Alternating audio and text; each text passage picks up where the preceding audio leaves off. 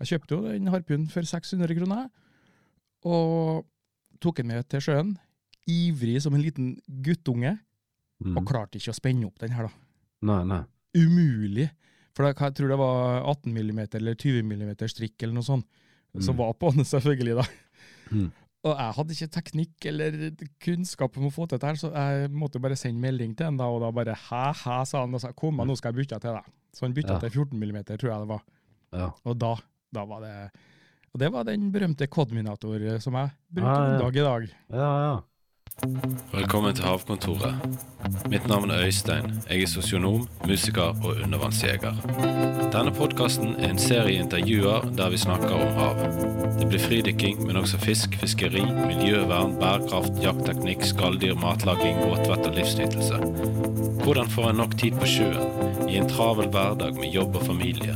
Er det håp for torsken i Oslofjorden? Hvordan står det til med kveitebestanden i Sunnhordland? Er det lyren som er dum, eller er det vi som er det? Hvor finner en kamskjell, og hvor mange skal en ta?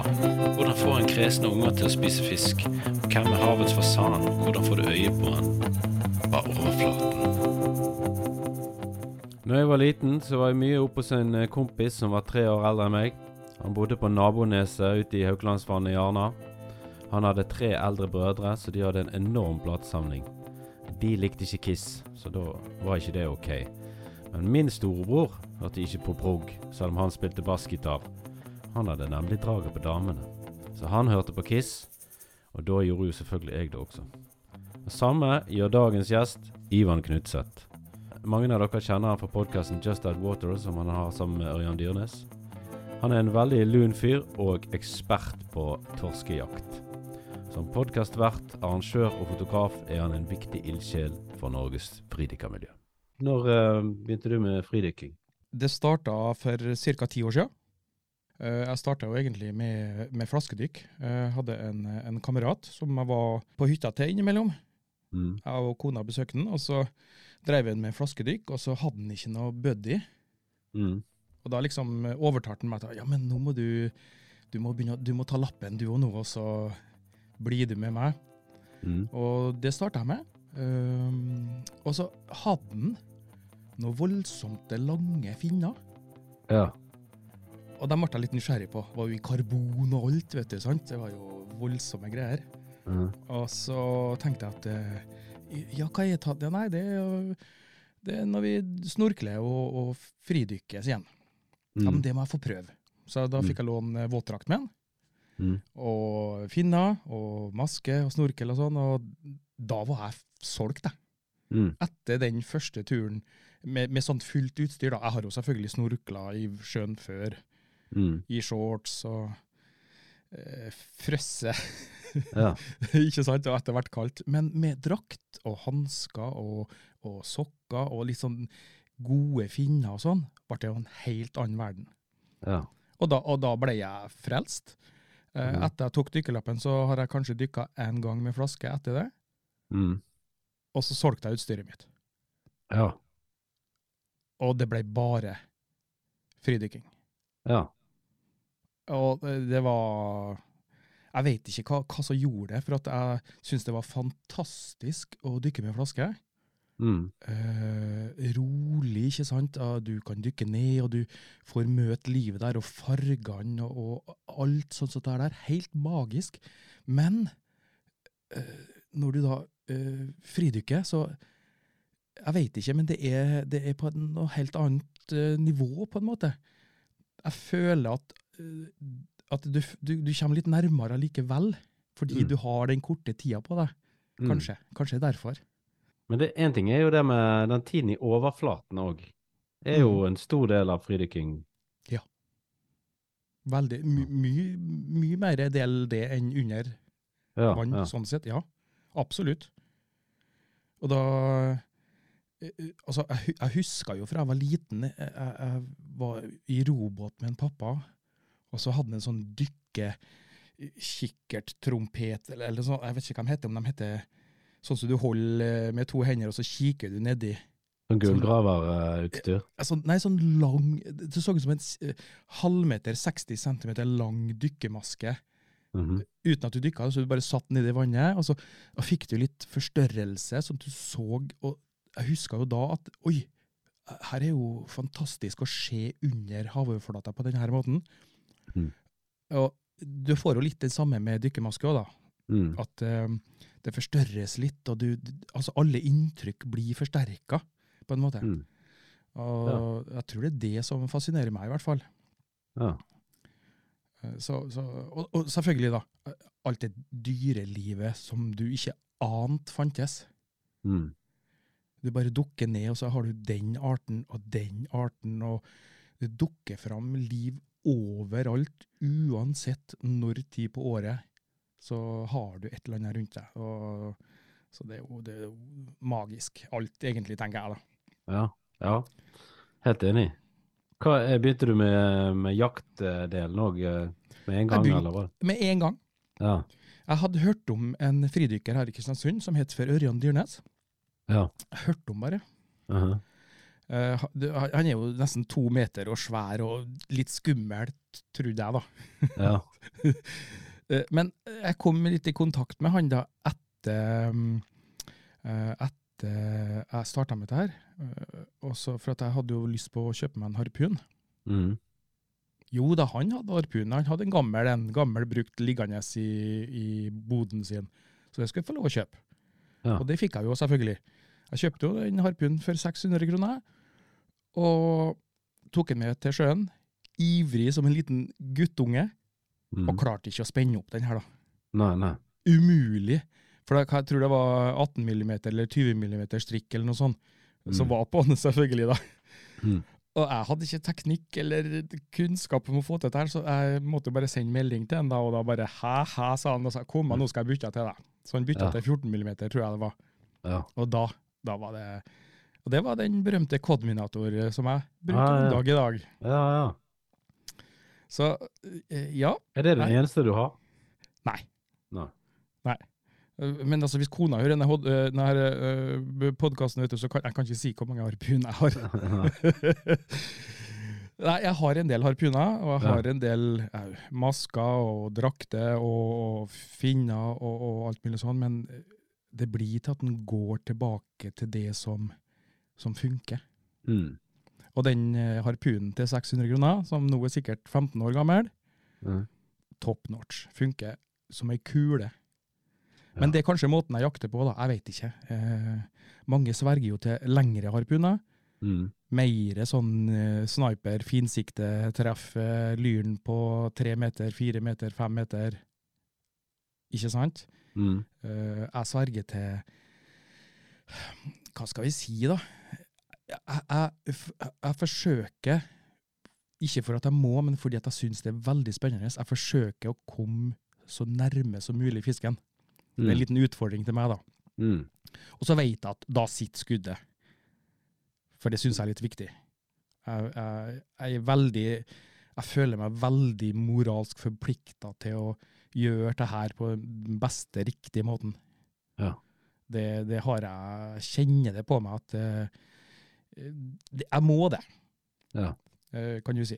Fordi at når du poster bilder og sånn, og ja, den Ivan, ja, der har han vært og skutt, jeg, jeg må jeg, føler at jeg liksom må jeg, ta meg og gjøre ordentlig. Ja. Ikke noe tull. Mm. Ikke noe cowboy, Nei. for å si det sånn.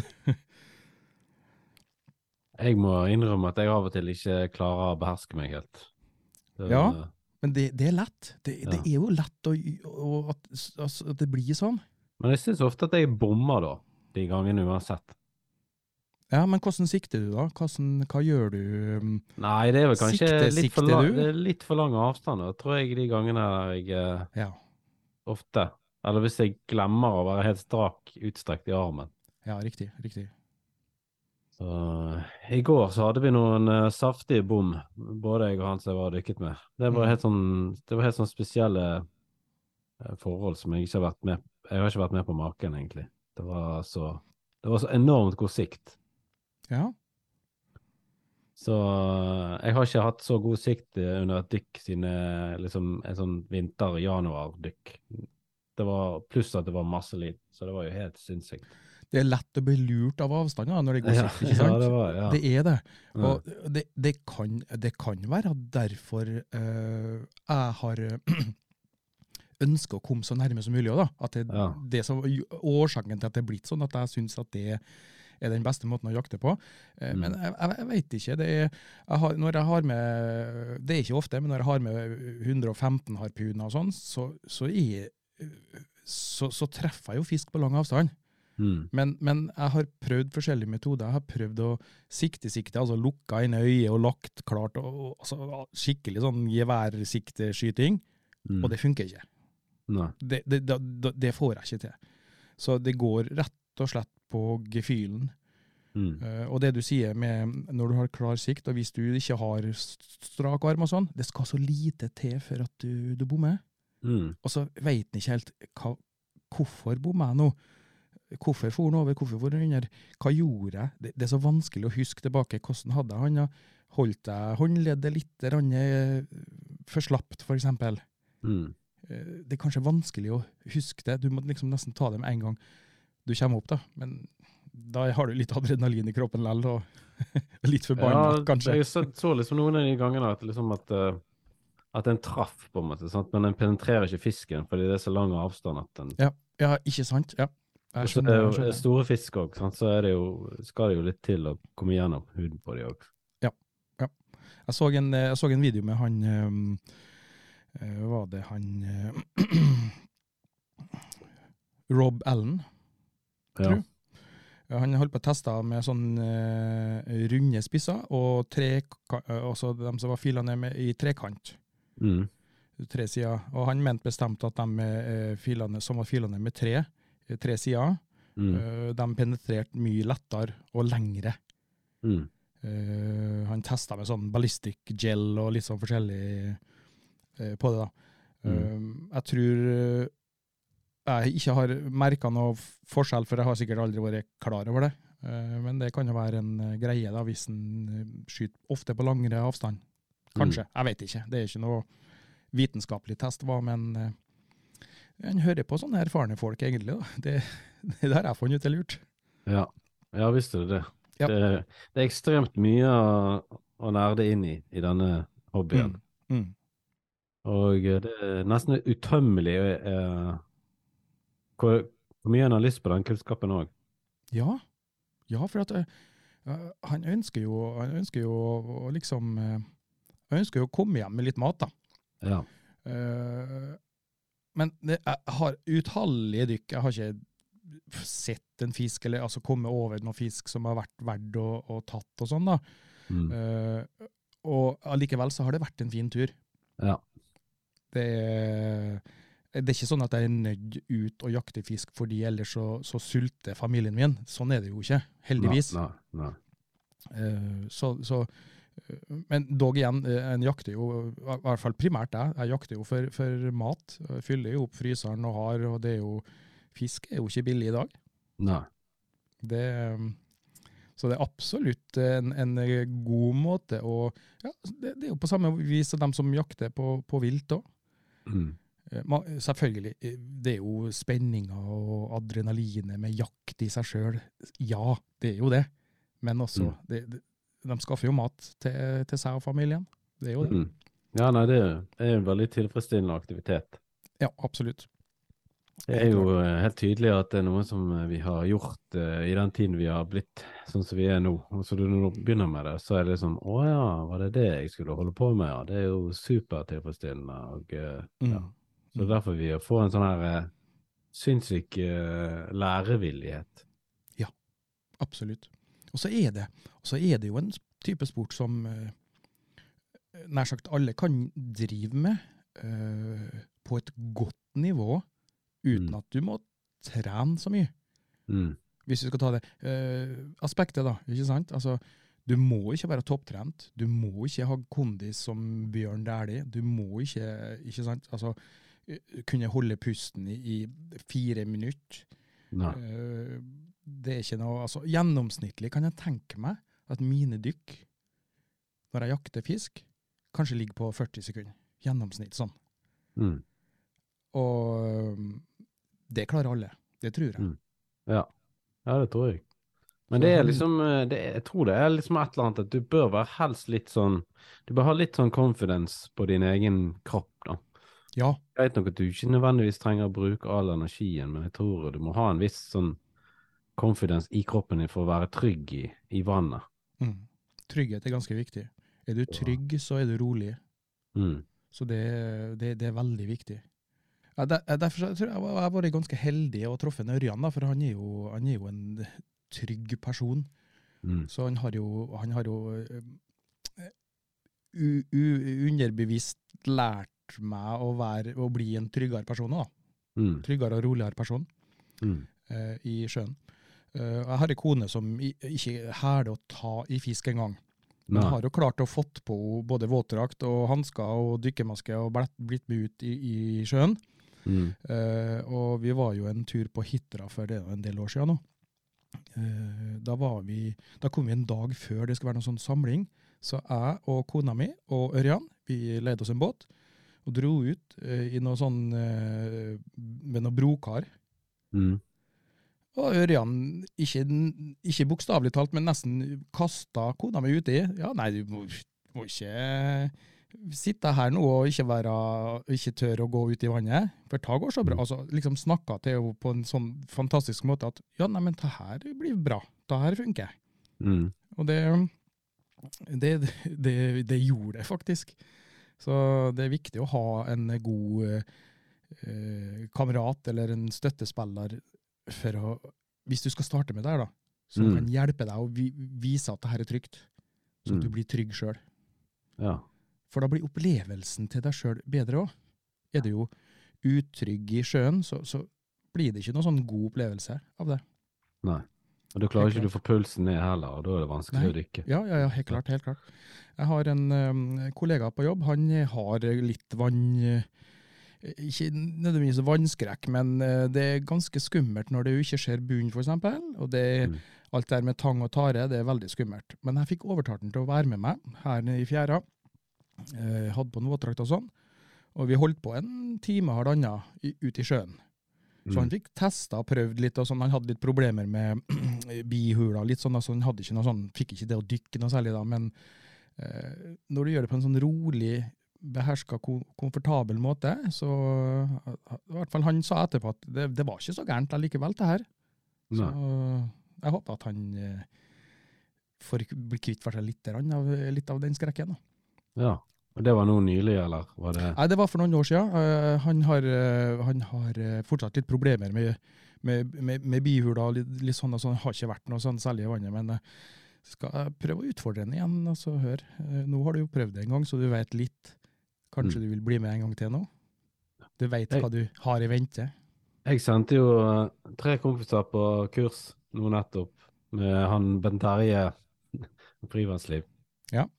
Eh, så han ene, han uh, sleit litt med utligningen. Ja. Ja.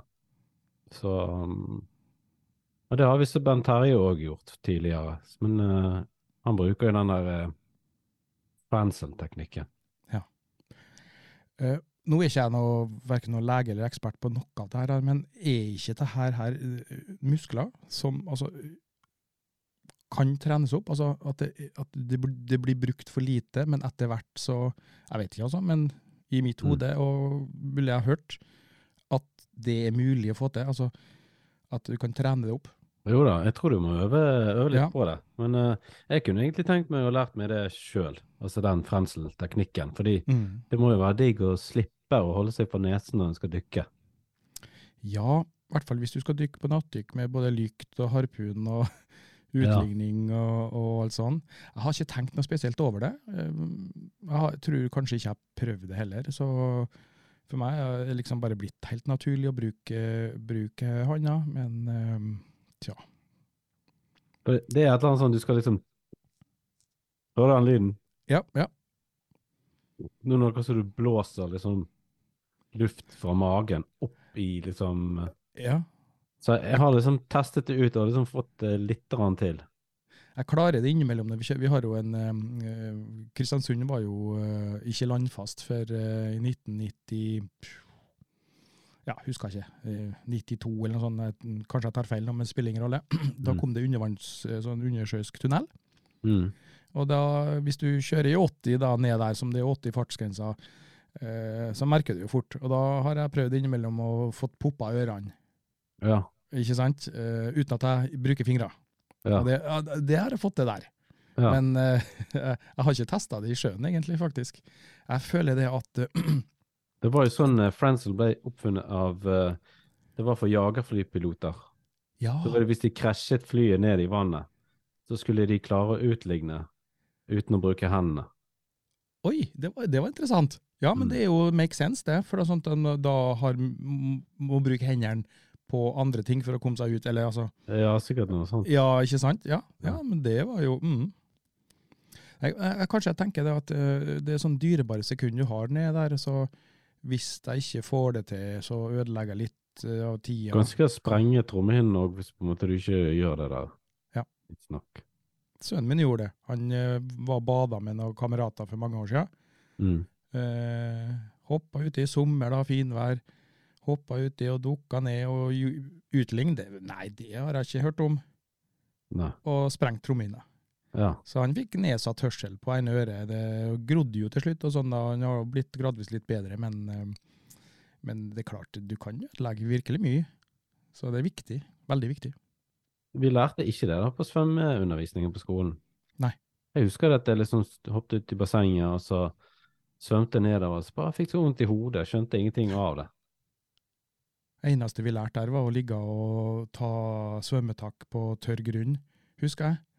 Ja. Og så Hadde ikke dere basseng på skolen? Jo, jo, vi hadde basseng, men det var liksom måte å lære teorien det først, sant? Ja, ja. Eh, og, så, og så var det jo den der svømmeknappen, da. Og herregud.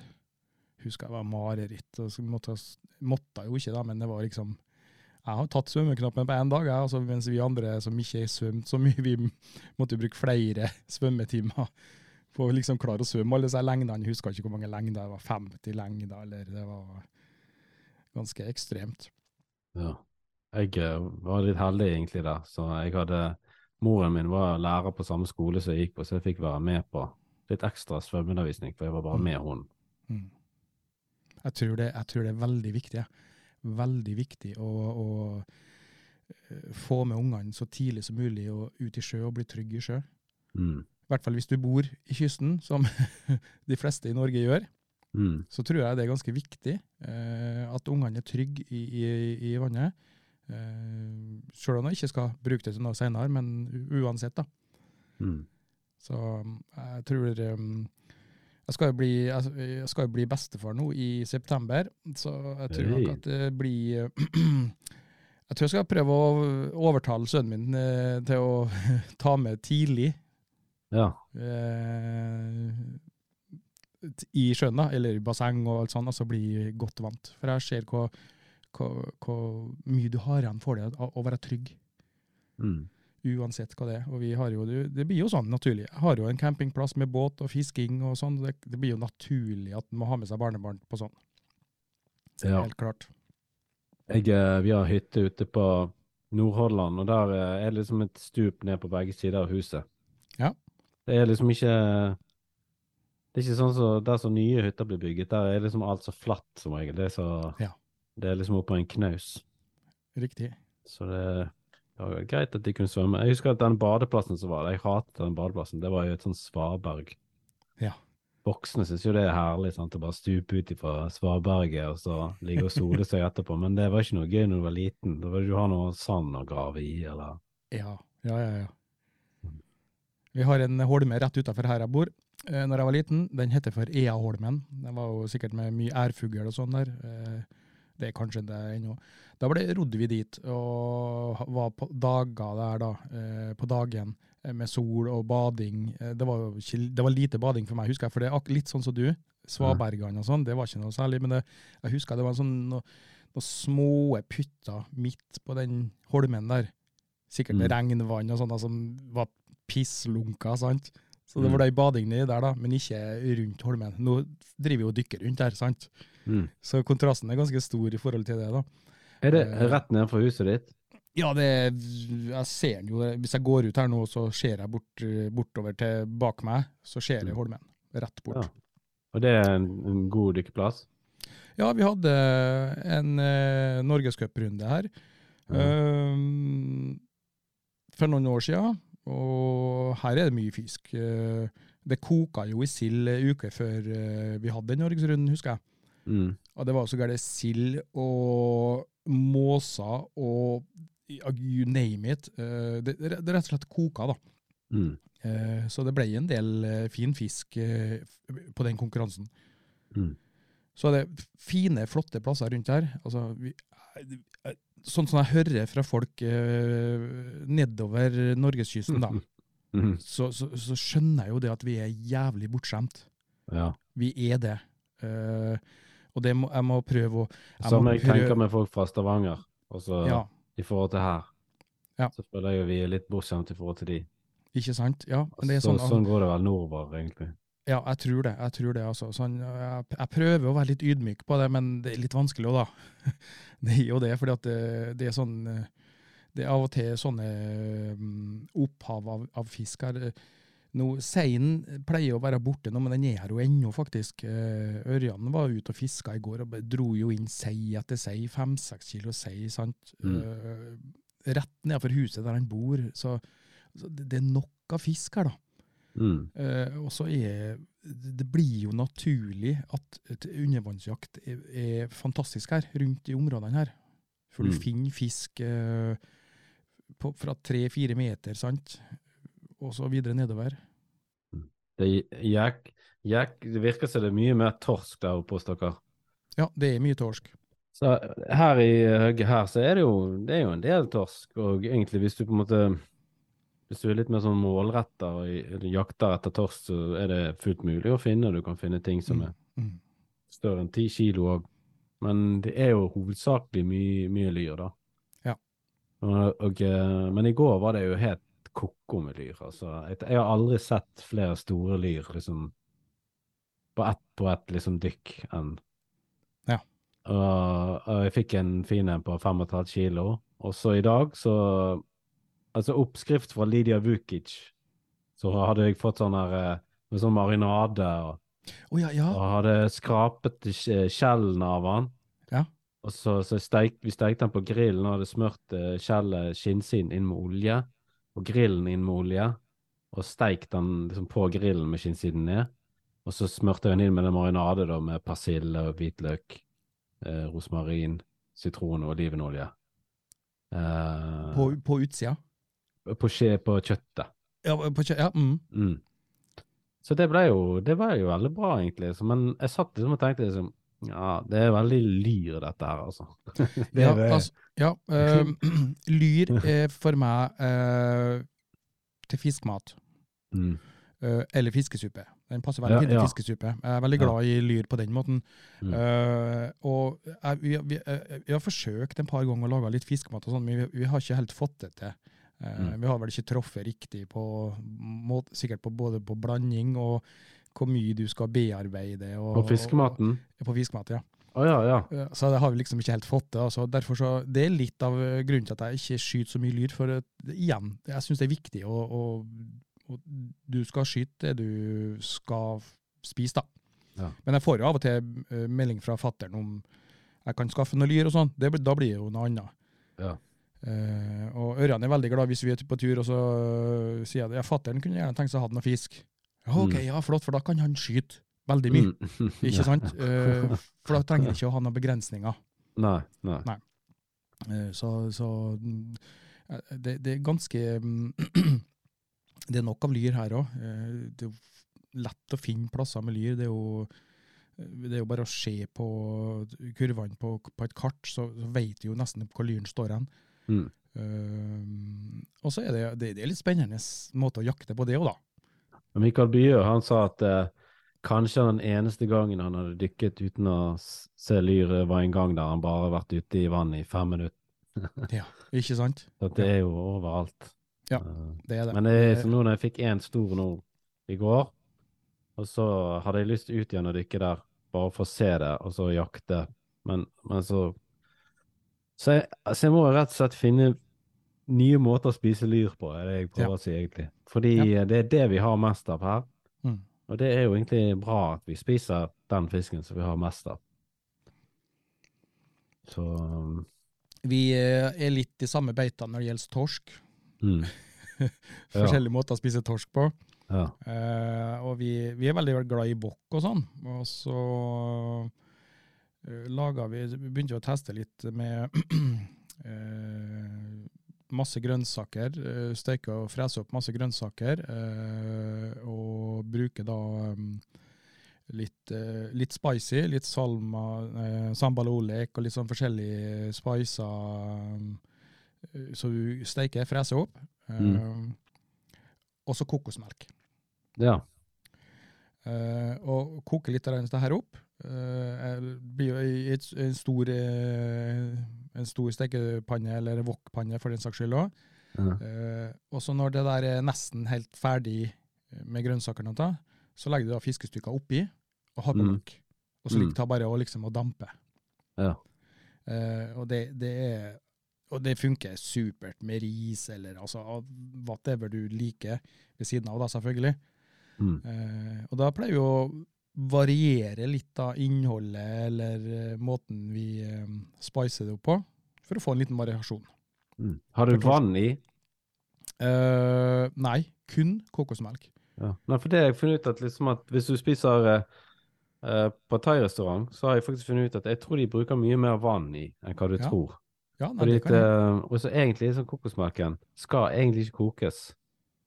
For da blir den liksom mer sånn ostete, nesten. At den korner seg, ja. Ja, så hvis på en måte Ja, du lager en ja. slags sånn curry med grønnsaker og sånne ting, Ja. så kan du bare liksom legge i litt vann, eller kraft da, hvis du har Mm. det. For du kan bruke fiskekraft istedenfor Ja. fiskesaus. Ja. Så kan du egentlig bare la fisken trekke i det, og så kan du ha i kokosmaken etterpå det. Det er like godt likevel. Ja, har ikke tenkt over. Men det, det har hendt seg, som du sier, at den korner seg, eller skiller, jeg, jeg vet ikke om den skiller seg eller hva, men at den blir litt sånn kornete, ja. Ja. Det har du helt rett i.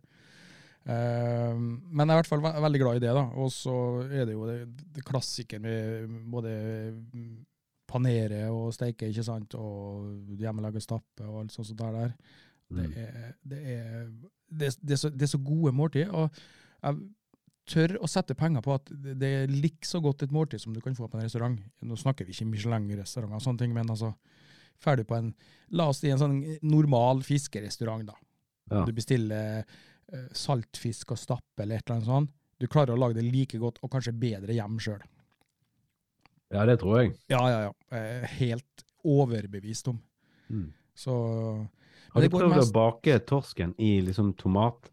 Altså hvis du, tar en sånn, hvis du kjøper en sånn boks med sånne gode tomater, ja, en Mm, sånn cherrytomat, så kan du liksom bake den i ovnen. Det òg syns jeg er veldig godt. mange, vi har laga mange forskjellige varianter med tomat, Ja. eh, med torsk. For det passer veldig, jeg syns det passer veldig godt.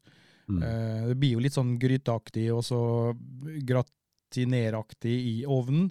Og da gjør jeg litt på samme måten, hvor jeg legger fiskestykkene på det liksom den siste steketida. ikke sant? Bare over den her senga med alt mulig rart som vi har, som vi Mm. bruker. da. Og Da kan det være sånn som du sier, med tomat og litt sånn eh, Vi kjøper litt hermetikkbokser med Hva de heter da? Ja, sånn motti og sånn? sånn Ja, det noe, så- ja, noe, noe, noe sånt som det er der. Mm. Eh, som vi bruker inn, ja. Men igjen da, så er vi jo litt glad i litt sterk mat, så det blir fort at det kommer et eller annet curry paste eller noe, noe oppi det, det, det skjer ofte. Ja, jeg faktisk fant ut en ting som var sinnssykt godt. Og det var eh, Jeg vet ikke om du har hørt om sånn kimchi? Ja.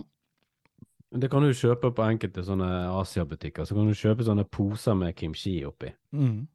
Jeg er ikke noen ekspert på kimchi, på noen måte, men jeg syns at det smaker godt. For meg så er det en troverdig kimchi. Ja. Men så hadde jeg liksom en litt kimchi oppi en bolle som jeg hadde gått og spist på alene, da. Og så hadde jeg den kimchi-saften over den tomatbakte torsken. Mm. Og så den er liksom, For da blir det en sånn litt sånn fermentert grønnsakssaft. Ja. Som òg er spicy, for det er jo chili og kimchi. Det var helt sykt digg. Jeg tror det er viktig, ja. og, og altså, din gane er din gane, og uansett hva en mesterkokk eh, sier, ja, men du kan, kan jo ikke gjøre sånn og, og gjøre sånn, og de fnyser av det, og de fnyser av det. Ja, Mm. greit, for din sin gane, ja, men Mm. for min sin gane, så fungerer det her. Her er det fem stjerner, sant? De har bare en gane, de òg. Ja, de har det. Ja, og det vet de. Så Og det er, det er klart, altså det finnes eh, riktige måter og gale måter å, å lage mat på. Mm. Eh, hvis du skal være slavisk på en oppskrift eller noe sånt, da.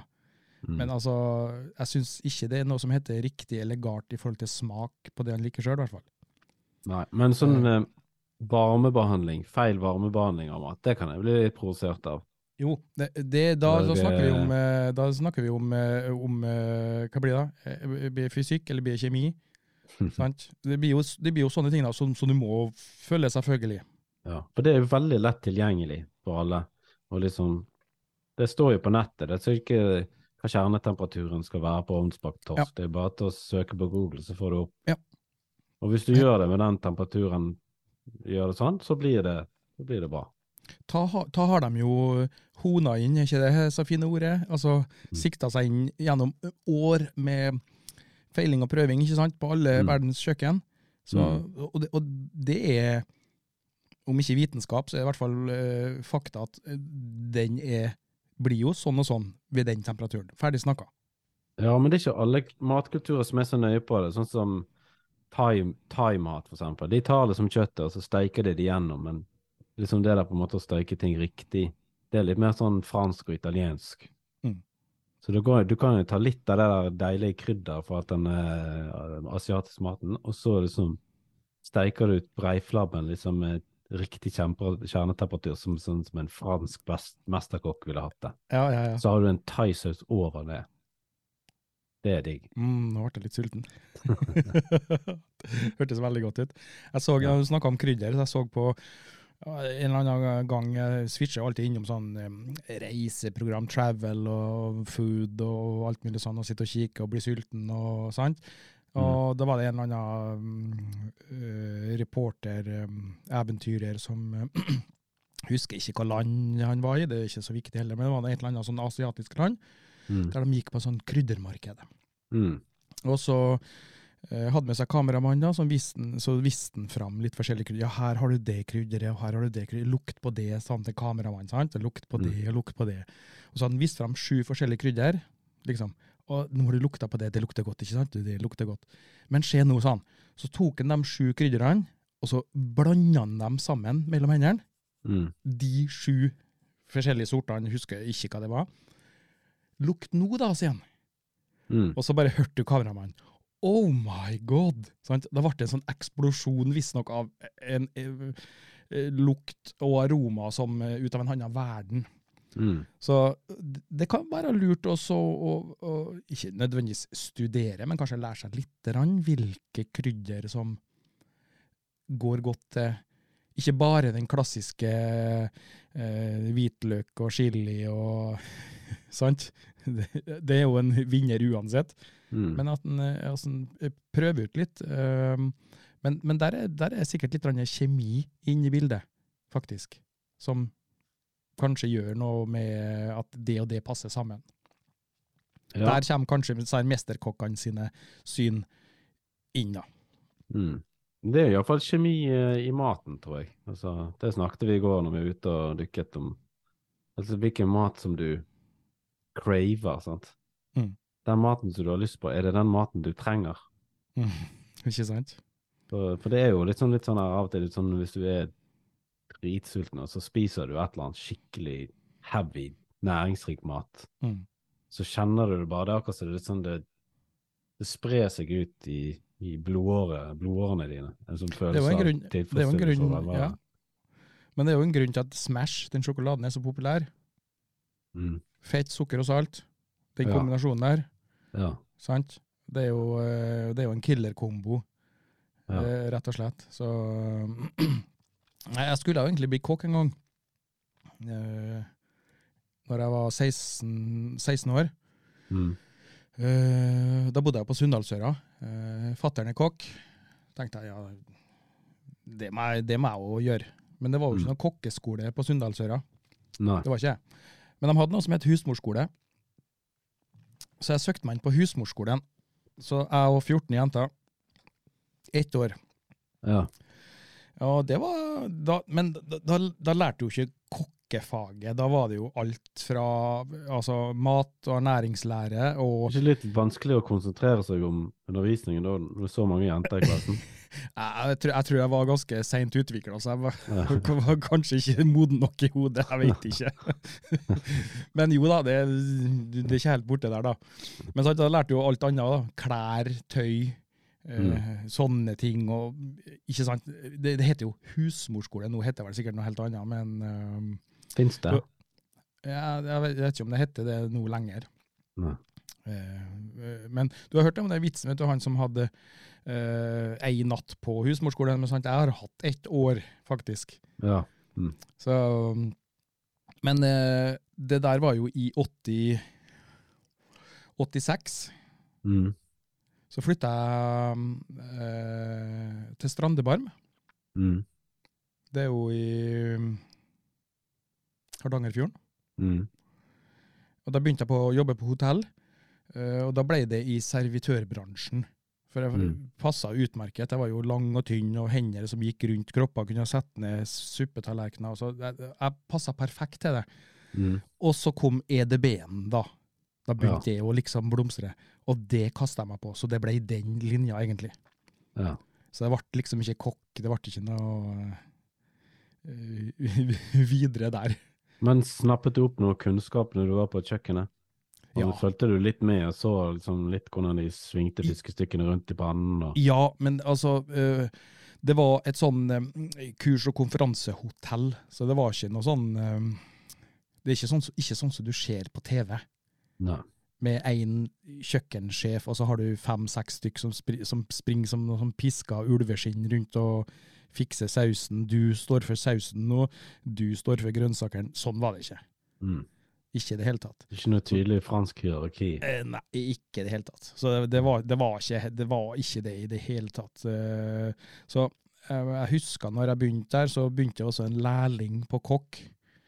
Jeg, jeg, jeg kan ikke si at det var mye voldsomt eh, inspirerende, sånn Nei, sett. da. men kurs og konferanse, det Jeg merker det på en måte hvis på en måte, mat er laget Hvis mat blir laget for for mange folk, Ja, da, litt samlebånd. eh, da blir det sånn av og til Hvis jeg er sulten, så spiser jeg det, syns det er godt, men det gir meg ikke den der Jeg føler ikke den der Jeg føler ikke den kjærligheten. Nei, Men du har helt rett. Det, det, og kjærlighet til mat, det er viktig. Mm. Det er veldig viktig. Det skal smake godt, du skal kose deg, og du skal ikke bare, du skal ikke bare sånn som han, eh, han stylisten i Oslo, han, han Jan Thomas, Mm. han uh, sa en gang, jeg så det på TV, han spiser mat kun fordi han trenger det. Han Mm. nyter ikke mat, han har ikke noe glede av mat. Han bare spiser mat fordi at det må kroppen ha. Ferdig Ja. snakka, liksom. Så tenkte jeg, å herregud, det må være kjedelig. Ja, det må være kjempekjedelig. Ja, For du er jo nødt til å gjøre det hver eneste dag, flere ganger for dagen. Ja. Så, og så har du ikke noe glede av det. Nei. Så nei, nei. Nei, det Jeg er absolutt eh, Altså Du er flink stylist, Jan Thomas, men eh, er kostholdsrådgiver, det skal du aldri bli. Og det er jo litt rart, sant? for han trener jo, og han, jo, han vet jo sikkert litt om kosthold. Ja. Protein, karbohydrater, fett, mengdeforskjeller mengde, forskjeller. Så klart, han, han kan det jo. ja. Men smak da, sikkert, og sånn.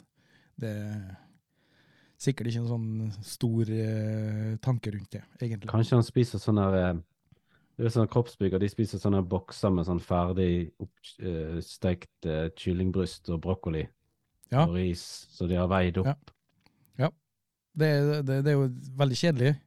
Kjempekjedelig. Veldig kjedelig sånn sett, da. Altså, ja, nei, det Jeg tror ikke det liksom har vært inn for meg. Jeg skal, jeg skal kose meg Jeg skal virkelig kose meg når jeg spiser mat, og det gjør jeg. Ja. Er det du som lager maten eh, hjemme, eller er deler dere på det? Nei, det varierer litt, men eh, det er mest kona. Ja. Og så blir det sånn helgen, så kanskje jeg trår til litt med litt forskjellig. Ja. Men vi, vi, vi står ofte i lag, da, og da, ja, da blir det sånn stasjons... Ok, nå, i dag har du grønnsakene, Mm. ikke sant? Eh, og det, det er ganske trivelig, faktisk, også, å stå og lage mat i lag. Mm. Eh, absolutt. Og så er vi eh, Vi prøver å eksperimentere litt. Mm. Eh, teste ut. eh, 'Å, jeg så en oppskrift, skal vi prøve det?' Og så finner vi ut at den oppskrifta ikke helt var super, men så kanskje vi endrer litt på det, så til vår gane, for å si det sånn. da. Mm. Uh, så vi er ikke redd for å eksperimentere og prøve, da. Nei. Det er vi ikke. Men, vi er hvem er blitt- det som uh, prekeverer fangsten? Som hva? Hvem er det som uh, eh, fileterer fisken? Renser kamskjellene? Du kan jo tippe, da, når jeg nevnte når jeg hadde med meg kona mi som ikke hæler å ta en fisk. ja, ja, ja, um, uh, jeg hadde vi, vi, Jeg nevnte jo det at jeg var i utrykningslaget i går. Mm. Uh, og da skulle vi jo reise ganske tidlig uh, og hente bror min. Det er jo en time kjøring, Mm. så vi måtte reise halv sju. Planen var at vi skulle reise seks, men så ble det litt forsinkelser. Så på kvelden før, da, så hadde jeg skulle begynne å finne fram noen kamera, litt sånn og lade noe batteri og ja, litt sånn forskjellig jeg skulle ordne til. Eh, og så får jeg jo melding fra en Ørjan, da. Ja. Uh, at nå var han på sjøen, og nå har jeg masse sei her. Uh, og Eva sa jo at hun ville gjerne ha sei, ja. så jeg kommer med det til deg nå. Mm. Så tenkte jeg åh nei, åh, jeg har ikke tida til det nå, å stå og filetere sei. Uh, for nå skal jeg gjøre det og gjøre det, for jeg skal tidlig opp i morgen. sånn. Men jeg kan jo ikke si nei. Det går jo ikke annet. Så da var det å stå og filetere sei da i to timer, og så eh, Oi, bikka vi midnatt, ja. Nei, jeg skal opp om fem timer. Uff, det her blir tungt. Det ble tungt, da, å stå opp. Ja. Jeg kom hjem fra dykking i går klokken uh, halv elleve på kvelden. Ja. Og han som jeg dykka med, han sa at han hadde filetert til klokken var to i natt. Ja, det er Det er mm, det, det er ikke den kjedeligste delen jeg gjør. Men Nei. grunnen til at det kanskje føles som den kjedeligste delen, det er at jeg har ikke noe Jeg har kjøkkenet mitt og kjøkkenbenken. Mm. Jeg skulle gjerne ønske jeg hatt et grovkjøkken eller noe sånt. Eh, Jeg kan heller ikke stå utenfor her og, og filetere, fordi at eh, eh, Hvor skal jeg gjøre av fisker? Jeg kan ikke bare kaste fiskslo rett utafor. Altså, jeg, det, jeg har ikke, har ikke ordna noe For du må kunne spyle skikkelig vekk og, og alt sånt som da, hvis du skal stå ut, ikke sant. Og det er jo et nabolag, det her, og lukte fisk hvis det gjør det. Nei, det går ikke an. Nei. Så jeg kunne tenkt, jeg, skulle, jeg kunne ønske jeg hadde et sånt grovkjøkken til akkurat sånn, da, for da For jeg syns det er ikke noe, jeg har ikke noe problem med å filetere. Det er helt greit, det. Funker fint, det. Det går fint, og det går raskt. Og, ja, raskt, det går det jo ikke alltid, men uh, jeg setter litt, litt eh, Prøver så godt jeg kan at det skal være skinn- og beinfritt alltid, ikke sant. Mm. Så det kan jo hende at det tar litt lengre tid innimellom enn bør gjøre. Men eh, det er nå greit. I hvert fall når du gir bort. Ja, ja det, jeg syns det er mye jobb Ja, med det er det. Det er veldig mye jobb med det. Nei, jeg, jeg sa jo, ymtet jo frampå det til samboeren min at uh, kanskje hun skulle lære seg iallfall å rense kamskjell, da. Så hun Mm. liker det så godt. Ja. Og det var ikke det snakk om. Nei. Det, Men hvilken teknikk bruker du når du renser kamskjell, når du åpner dem? Renser Eh, du rundt? eh, jeg har sett en ny en, sånn som du liksom bare setter den inn, og så bare sjakker du de bare. Så jeg skal prøve å lære meg det. Ja, men jeg tenker for å få ut muskelen. Ja, nei, jeg, eh, jeg tar og knekker opp den greien på sånn at jeg får den opp. Ja. Og så uh, kjører jeg en kniv inni for å liksom skjære løs den muskelen, og så åpner jeg. Og så tar jeg en skei inni. Jeg tror ikke det er verdens beste teknikk, men uh, Nei, nei, riktig. Nei, for at, uh, jeg ser mange som rensker rundt uh, innmaten rundt selve muskelen først, mm, før de tar ut muskelen. Men det gjør ikke jeg. Jeg bare åpner skjellet, ja. og så du vet du har den der lille delen som uh, sitter i ene kanten på muskelen, som du ikke vil ha med. ja. Jeg setter tommelen, tommelfingeren skulle jeg si, mellom muskelen og den lille hvite delen som du ikke vil ha med. Ja. Så bare trykker jeg tommelen ned, ja. og så tar den litt sånn rundt for å løsne muskelen, og så bare rive av muskelen. Så er skjellet igjen med all innmaten. ja, for det er jo denne hinnen som ligger utenpå. Ja, men den eh, Der forsvinner med den, da. Den, ja, i de fleste tilfeller. Mm. For da slipper jeg å renske bort først, og så ta ut muskelen. Mm. Funnet ut at ta bare muskelen, så blir det raskere hvis du har plukka en 40-50 skjell. Ja. Sånn at du liksom ikke står så lenge som eh, Ja, det kan mange synes er ganske kjedelig. Ja, det, jo, det blir jo mye kamskjell, ja. iallfall om vinteren. Sånn så er Ja. det jo Men jeg må bare tenke på det at eh, Nå har vi høsta, nå skal vi få det i fryseren. Vi, vi har mat eh, som vi får spise av etterpå. Ja, ja, ja. Og så kan en slå seg litt gjør selv. Ja, slå seg litt selv på- på brystet og si at uh, That's my doing. Ja. Ja da. Jeg har bare lyst til å bli flinkere til det, sånn at det skal gå fortere. Jeg har, Ja. lyst, jeg har lyst til, så når jeg tar fangsten med hjem, og så går jeg ut på kjøkkenet mitt, så er jeg, eh, så er jeg akkurat som en sånn profesjonell Mm. eh, fiskehandler som bare Du, du, du kan bli det hvis du skulle si øver på det, mm. eller du kan tenke at nei da, det er noe sånn det er det. Ja, det går fortere og fortere, da. Ja, Det gjør det. Det går fortere og fortere, det er helt klart. Det jeg husker jeg, jeg hadde litt skrekken av før, det var liksom også når jeg skjærer av ei side på en fisk, og så skal jeg ta av skinnet Mm. eh, med skinnsida ned, og så sette kniven ned, og så skal jeg liksom eh, dra filetkniven bortover og Mm. ta av skinnet. Det var liksom sånn skrekken, for du skjærer gjennom, og du mister mye fisk av det, og sånn. Men jeg måtte bare prøve. Mm. Og så, så ble det. Mm. Nei, så seien er filetert og pakka i eh, gode, fine pakker.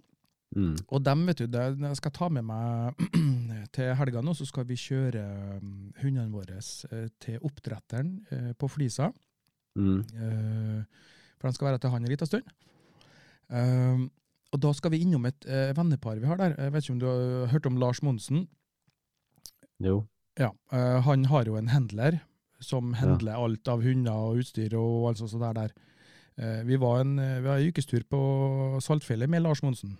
Mm. Eh, og da var hun med handleren, og så ble vi kjent med henne, og så ble vi venner med dem. Så vi skal Mm. ned til dem, og mannen hennes han er så glad i sei. Men det er litt vanskelig å få tak i ned, på- ned, ned i Kongsvinger-området der. Ja. Det er både litt vanskelig, og det er jævlig dyrt.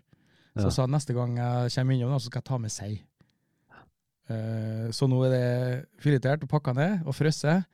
Nå skal komme med seier. Jeg har ikke sagt at det kommer med sei, da, men det skal jeg gjøre nå, da. Her kommer seier rett fra Kristiansund. Ja. Den er en time gammel før den ble fryst. ja, det er kult, da. Ja, det er litt artig. Er det eh, mest på stang dere får si, eller er det på jakt òg? Det er mest på stang, det må sies. Ja. Uh, men uh, det er jo litt jakting òg, da. Ørjan har jo uh, fått mye sei på jakt. Eh, Jeg vet ikke om du fikk med den episoden hvor vi han eh, skjøt en makrell først. Jo, det jeg hørte han episoden, og så fortalte han det når han var gjest på podkasten min. Ja, altså så det er jo kjempe, en kjempemorsom måte å, å jakte seg på. Men det, det er sånn, nei, seien er, veldig sky når du er dykker i, vannet, altså. Mm. Den er, den er litt vanskelig, så mm, Men det, det er mye noe som skjer når de kommer i puberteten. At de blir veldig sky, sier han.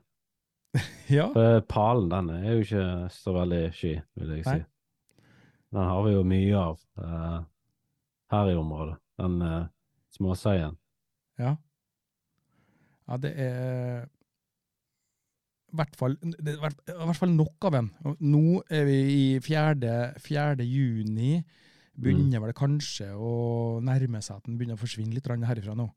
Ja, okay. Eh, I hvert fall så lett tilgjengelig, da. Ja. Eh, Den har vært ganske lenge nå, eh, faktisk. Men jeg lurer på det, om ting er litt seinere ut i år. Ja. Fordi, eh, når vi kjører til campingen nå, så har vi hvert år så har vi en ja, tre, fire, fem eh, par med gjess som legger Mm. egg.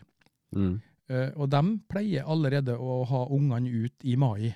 Da pleier de å gå over veien, liksom, sant. Uh, ser ut som de små eh, gåsunger som eh, går over, ikke sant. Mm. Eh, men dem har jeg ikke sett ennå. Jeg ser gjessen, men jeg har ikke sett noen unger ennå. Og nå er vi i juni, så jeg, har på følelsen av at ting er litt sånn eh, Forskjøvet litt uh, ut av tid her nå. Det, det er ikke hun som har kommet i overgangsalderen, da. Kanskje det, ja. ja, nei, altså, det, men det med at seinen fortsatt er ennå ganske mye av, og, for den pleier å forsvinne på slutten av mai. Ja. Og gåsungene altså, det klekka ut ennå, skulle jeg til å si. Og, ja, nei, jeg vet ikke. Det er bare noe som jeg syns. Da, så. Ja, her er egentlig ganske vanlig vår, egentlig, men det er egentlig ofte rundt denne helt ved slutten av mai i Bergen, så skjer det, da er det veldig mye liv her Ja. nå. Så Ja. nå er det helt crazy, egentlig. Med både sild og makrell og lyr og Mm. Men fortsatt en slank torsk som ikke Ferdiggitte torsker er jo en del av. Ja, ja, ikke sant. Disse de Ja. tynne torskene. De er Det er sånn som du nesten bare må øh, koke. Ja. Kan selvfølgelig steike med skinnsida ned og sånt du Altså litt, blir litt sånn knotete å filetere hvis de er ganske slanke, fordi at uh, du får ikke noen gode stykker sånn ut av det. Men øh, Men det blir, i jeg- fall, det blir i hvert fall tatt eh, På campingen så er jo veldig mye tyskere som kommer og fisker, Ja. og de fisker jo alt. De mm. står og fileterer sånn småfisk. De tror jeg ikke bryr seg om minstemål og sånn. Så det er jo øh, helt utrolig, egentlig, at de gidder. Men sånn er det igjen, da. eh, Vi er litt bortskjemt. Så det kanskje er sant. da. Vi møtte jo på en sånn uh, gjeng med eldre menn på, kaien ute på Øygarden i går. Og det han ene han sa det at uh, tyskerne de fisket opp alt. Ja. De fisket opp all stamfisken vår, sa han. Nå eh, er det regelverk Det var jo stoppa en nå som eh, fikk Han fikk konfiskert Jeg tror det var 90 kilo filet han hadde med seg. Mm. Han fikk vel bot på ganske mye. Konfiskert alt, da, og, og en ganske kraftig bot. Men men om de fisker opp alt, jeg vet ikke. Jeg vet ikke hvor mengder turister det er, og hvor mye snakker vi om i kilo og sånn. Det jeg aner ikke. Men hvis en går inn på det der, enten så er det Det er i hvert fall et eller annet kart som viser yrkesfiske på norskekysten. Så kan du krysse av da for å få eh, opp eh, streker rundt omkring kysten på Mm. type fangst, altså med garn, med not, med trål osv. osv. Mm. Og hvis du slår på alle de um, lagene, grafene, Mm. så sitter du bare og rister på hodet, og så tenker jeg, altså, så finnes det noen som er så frekk og, eh, hva skal jeg si, uvitende at de påstår at eh, fritidsfiske og undervannsjakt eh, påvirker bestand. Ja. Da, da, da, da, forstår jeg ikke hva, hva er som foregår i hodet. Jeg, for- jeg fatter det ikke. Sammen med fisken i, i Oslofjorden òg. Torsken, Mm. som har vært freda nå i tre år. Mm. Og så kommer det en artikkel som sier at bestanden har dessverre ikke bedra seg, så vi må øh, fortsette med forbud mot fritidsfiske og undervannsjakt. Og det er Mm. greit, det. Helt øh, på sin plass, det. Og så står det men yrkesfiske er fortsatt lov. Ja, det er visst liksom forskjellige regler uh, mot det der nå. Altså, Ja. det, jeg er ikke noen ekspert, men uh, det, det er forskjellige regler der på yrkesfiske.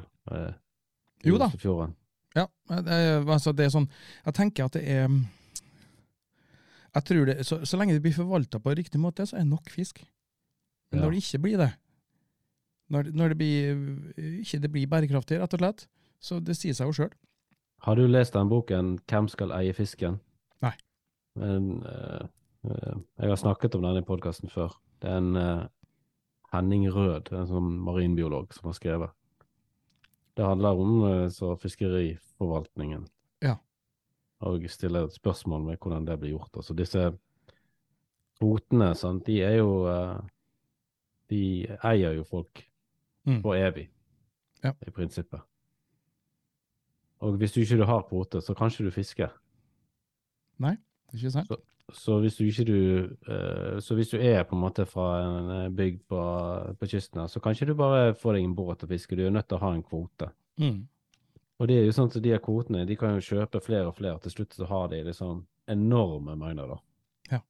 Så det er noen som tjener utrolig mye penger på det, og egentlig ikke betaler noe for det heller. Nei, altså det, er helt, det er jo helt klart at eh, det, det er penger i dette her, og det er jo mye av grunnen til at eh, regler blir gjort slik og slik og så videre. Sånn. Altså, de fleste forstår jo det. mm. Eh, For det er utrolig mye penger. Mm. Enormt med penger, og penger inn til staten selvfølgelig, sant? Så det er jo med i beregning. La oss si hvis, det, hvis, hvis, hvis de har sagt at eh, nei, eh, fisken er trua i norskekysten, all yrkesfiske må eh, settes på hold i tre år. Mm. Kan tenke deg for det første, levebrødet til mange. eh, mangel på inntekt til staten, skatter og avgifter og alt sånt. Og, og, og fiskebestanden har jo selvfølgelig vunnet på dette her, da. Selvfølgelig. Men Mm. eh, det, det har jo ikke gått. Det har blitt eh, ramaskrik. Det hadde blitt veldig mye bråk, ja. Ja. Så jeg tror egentlig det er sånn akkurat i sånn her eh, eh, Når det blir sånn Hvorfor kan ikke eh, undervannsjegere gjøre det når yrkesfiskere, så er det jo fordi at undervannsjegere er jo en marginal gruppe som ikke har så mye innflytelse. Nei, Vi har, vi har jo mye, mye mindre innflytelse enn en fritidsfiskere nå. Jeg har tenkt jeg, vi burde egentlig nesten alliere oss litt med fritidsfiskere sant? Og, og samarbeide litt. For det, vi vil jo egentlig som nordmenn ønske det at vi skal fortsatt ha muligheten til å stikke og fange oss en fisk Mm. langs kysten vår. Ja. Det ville jo vært veldig mange som var enig med det. Altså, Helt hvis det ja. kunne blitt en politisk sak om at uh, jo, vi må få lov til å fiske, og hvis vi skal fortsette å kunne fiske i de generasjoner som kommer, så må rett og slett yrkesfiskerne ta opp mindre, og da må de ha mindre kvoter, sånn at det blir Mm. mindre beskatning på artene, som òg er under utrolig stort press fra andre faktorer òg, som Helt klart. Ja. Altså, jeg tror det, jeg tror det at um, det er i hvert fall viktig for oss uh, undervannsjegere, og det er derfor uh, jeg også er så uh, skal, skal, skal si, streng med meg sjøl, sånn moralsk sett òg, i forhold til det. Det er at uh, blir det noe skriverier eller noe media eller et eller annet som la oss potensielt si er negativt uh, for undervannsjaktmiljøet, da, mm, så er det garantert noen som kommer til å få trumfa gjennom et eller annet forbud med noe eh, på bakgrunn av osv. Eh, sånn som eh, jakt på stor kveite, som er lov. Mm, Eh, troféjakt, som mange vil kalle det. mm, Eh, det, det kan jo fort bli Blir det for mye skriveri om det, og for mye altså lokale fiskere og sånn som ikke liker det her, så mm. kan de eh, rally up og rett og slett få gjennom en eller annen sak, forbud osv. Så, videre. mm. så jeg, jeg, jeg er ikke redd for at det skal bli noe sånt, men jeg ønsker i hvert fall ikke å være den som skal bidra da, Nei. til noe sånt. Nei. Så jeg tror det er mm, eh, viktig, viktig å være moralsk god jeger eh, i undervannsjakt. For da har vi det her eh, for alltid, forhåpentligvis. Ja, jeg, jeg, tror, jeg tror det er litt viktig å på en måte spre den kunnskapen til de som driver med det òg. Mm. vi kan vi kan i minste liksom gjøre opp en, en egen mening om det, da. Basert på noe som vi faktisk vet, ikke bare noe som vi tror. Ja, helt klart. Helt klart. Og Mm. det er, så tror jeg også det er viktig, eh, hvis du skal ut og jakte, og det er mye fisk, og du får mye fisk, eh, spør deg sjøl først, før du drar ut og jakter, eh, hvor mye fisk trenger jeg nå? Mm. Eh, hvor mye eh, fisk eh, Har du naboer? Har du familie? Hør, hvis jeg, får, jeg pleier jo ofte å ringe opp til fattern. Du, vi skal ut og dykke nå. Hvis Mm. jeg får noe fisk i dag, har du lyst på? Mm. Og hvis han da sier ja, jeg vil gjerne ha og, Men jeg sier jo alltid 'hvis jeg får', sant? Mm. Mm. For å være, være safe. Men da, da har jeg en god følelse når jeg er ute. For at OK, jeg har torsk i fryseren min nå, jeg har det jeg trenger for en liten stund framover, så jeg må ikke ta noe fisk nå. Mm. Og det er derfor jeg da ringer til han, eksempel, og så spør da, vet du. Og det, da har du en litt bedre følelse når du, når du jakter. Kanskje jeg er litt for mushy og mjuk på akkurat da, men jeg syns det, jeg synes det er viktig. jeg. Ja, du har jo ganske eh, tydelige verdier, da. som, som du har snakket om på Ja. deres podkast. Jeg, jeg, sky, jeg skyter ikke berggylt engang. Sjøl om det sies at det er en kjempegod fisk å spise. Men det er fordi at jeg er virkelig soft, da, for de er jo så søte og fine, de drar der. Og de bor jo der. Det er jo Huset deres er nesten som at du ser at de har eh, innredd og alt mulig sånn, sant? Så det går ikke annet. Jeg garanterer, uh, utafor uh, ene Nå ser jeg for meg en sånn berget som har en sånn lite hus Ja. med sånn gjerde og Yes! hagenisser ute i hagen. Eh, Jeg garanterer deg. Du har jo den der eh, på eh, fri, fri eh, den rekordlista. Mm. Uh, Utafor Holmen på campingen der, har, der har jeg norgesrekord i berggylte hvis jeg vil. OK. For eh, det, det paret som er der, dem har jeg sett nå i åtte år, i hvert fall. På samme Ja. plass. Ja. Og de er svære, altså. De er jævlig svære. Den er mørk sort, hannen. Og så er det litt sånn rødlig, den hoa der. Og de er der hele tida. Jeg kan, jeg kan jo ikke sky, det går ikke annet. Hva heter de? Berghild. Ja, Og, navn? de- Eh, Navn. mm, eh, det blir for personlig. jeg, kan, jeg kan ikke sette navn på dem, du. men hvis jeg har gjort Du det må da er spørre dem om lov å få bruke navnet deres på podkast. Ja. Nei, så det, det, men det er jo det, det, er meg, da. Det er, jeg, har, jeg har dykkervenner som skyter kanskje en berggylt en gang i året, Mm. fordi at det er, en, det er en god matfisk. Mm. Eh, kjære vene. Det Og så så jeg Jeg har truffet på steinbit en par ganger. Jeg har ikke skutt dem. Um, jeg har litt sånn Jeg, jeg har litt rann um, Litt tilbakeholden fordi eh, den, den bare ligger der. Mm. jeg får ikke helt til å eventuelt bare skyte sånn. Um, når det er sagt, når det er sagt, jeg, jeg skal ikke være dobbeltmoralsk å si det at jeg aldri kommer til å skyte en steinbit. Men uh, det er i hvert fall sånn jeg føler nå. Mm. At uh, jeg syns de er fantastisk flotte å se på. Vet du. De er jo noen skapninger ut av en annen verden, ikke sant? Så ja, hvorfor ikke bare Ja, de er det? veldig kule. Ja. Nå har jeg dukket, uh, dykket eh, kanskje nesten to ganger i uken nå i to år. Jeg har ikke sett en eneste steinbit. Nei. Altså i området rundt Bergen. Altså Øygarden og Nordhordland. Ikke en eneste. Nei, jeg har ikke sett så mye heller. Og så har jeg da venner som er med, og så første dykket, så kjenner de opp med en steinbit på fem kilo, og så Å Mm. ja, ja, ja, ja, nei, men greit. Så det Nei, det, det er litt sånn rart med det. Uh, nå er jeg jo uh, ekstremt glad i dyr, sant? både hunder og katter og you name it. Eh, hester er fantastiske, flotte dyr. De er jeg livredd for. De er litt store og skumle, ikke sant? men det, altså, alt i naturen Jeg elsker sånn som det der. Så det, jeg har sikkert en myk side, soft side på akkurat sånne ting som det der. Mm. Sånn at uh, når det er fisk jeg jakter på, så er jeg i jaktmodus og matmodus. Det betyr veldig mye for meg. Mm. Jeg har jo sagt at jeg aldri sikkert klart å dratt på jakt med rifle og skutt en, en hjort, for eksempel. Men, men jeg vet jo ikke, hvis jeg har øh, vært med på jakt en gang, Mm. øh, og, og sett hva det gjør med både det jakta og samholdet, og, og mat igjen, da, ikke sant?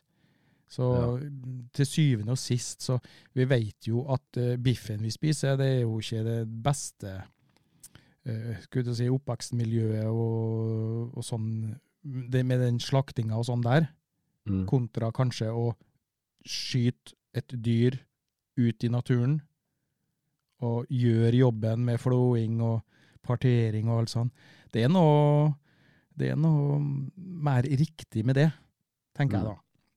Det er litt sånn morsomt, jeg tenker litt sånn på det der.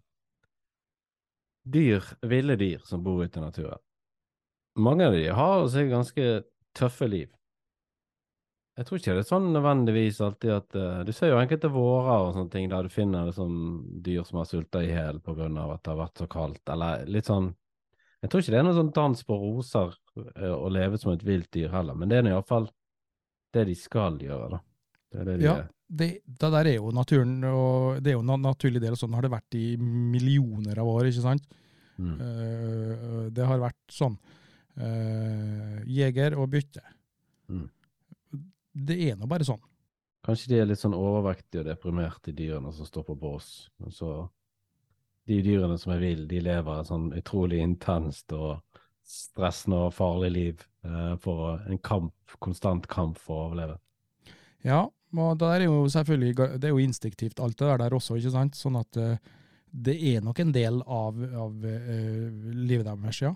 Eh, helt klart. Og jeg tror det at Eh, ta, ta kyr, da, for eksempel. Igjen, jeg er ikke noen ekspert, jeg har ikke studert, eh, så det her vet jeg ikke. Men eh, de, de, de lever jo eh, fint på en gård med ut på beite og melking og gress, og så blir det slakting. ikke sant? Og jeg tror det slakteopplegget med å stua i en eh, eh, sånn slaktebil og kjøre til slakteriet, Mm. det tror jeg er ganske stressende. Det tror jeg ikke er noe god opplevelse. For de, jeg tror de merker og senser hva er som skjer. Dette er ikke noe bra. Um, jeg så en reportasje for noen år siden om en sånn mobilt slakteri. Som reiste Ja, men rundt til gårdene. hvis du, hvis du er et dyr, sant, Ja. og det blir liksom satt inn i en buss, uh, eller en lastebil, da, så er jo ikke det noen behagelig måte å reise på uansett, og du er Nei. jo heller ikke vant til det. Så det vil jo være skremmende uansett hva. Mm. Ja, det flytter de til. Det er ikke sikkert de vet hvor de skal hen, eller hva, at de skal dø. Men de blir bare stresset av å være på den lastebilen. Ja, det kan jo være. Det kan jo være. Men det, jeg tror vi skal i hvert fall være, tenke over det i forhold til Ja, du driver og skyter fisk og dreper den med kniv og Ikke sant? Det, det Jeg mener også det at det, å dukke ned, skyte en fisk, eh, få den opp, ta og avlive den med én gang med kniv, er Mm. enda mer humant enn å dra den opp med fiskesnøre òg. Ja. Det tenker jeg. Ja, Det kommer an på hvor fort det går. Men Ja, eh, selvfølgelig. Det, det går jo som regel alltid mye fortere når du gjør det med harpun enn med snøre.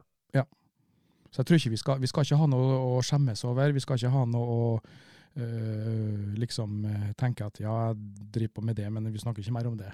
det Nei, Vi skal i hvert fall ikke skjemme oss overfor andre folk som spiser både kjøtt og fisk. Det blir jo i hvert fall for dumt. Nei, Helt enig. Da, nei, er det Jeg har det meget behagelig og er fornøyd med det jeg gjør med denne hobbyen, ja. Det er helt sikkert. Ja, jeg eh, Jeg, eh, jeg ble så ekstremt hekta på det. Jeg klarer ikke å, å gi meg med det.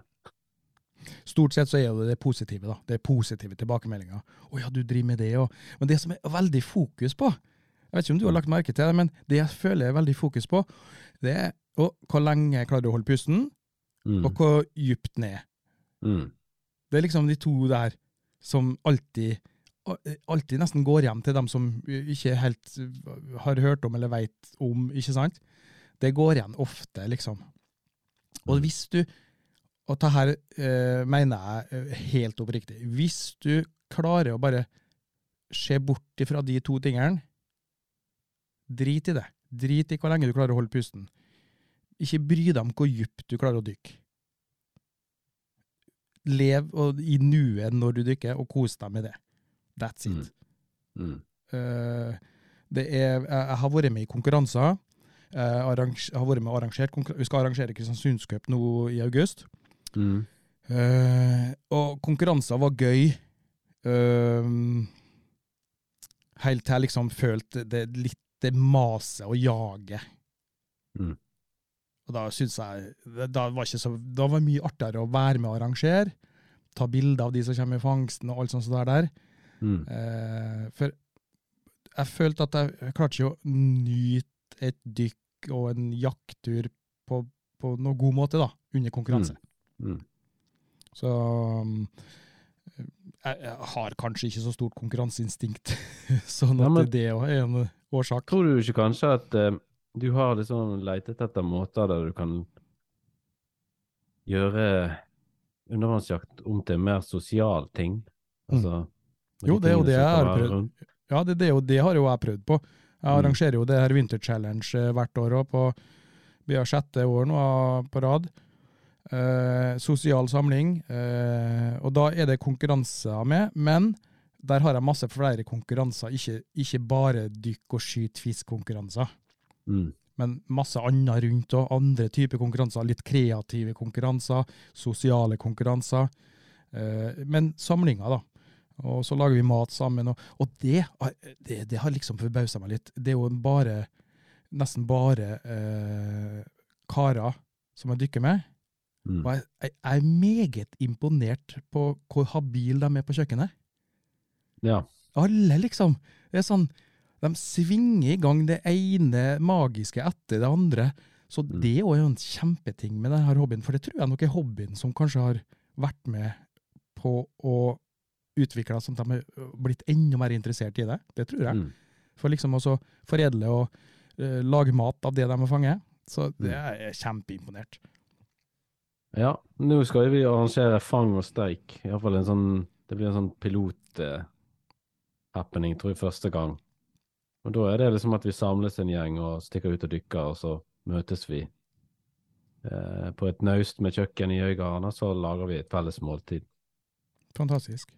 Fang og steik. Det var en bra det, det, det likte jeg.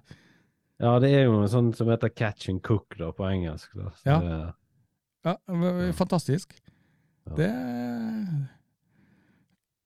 Det kunne jeg tenke meg å være med på. Fang Ja. og steik. ja. 17. juni.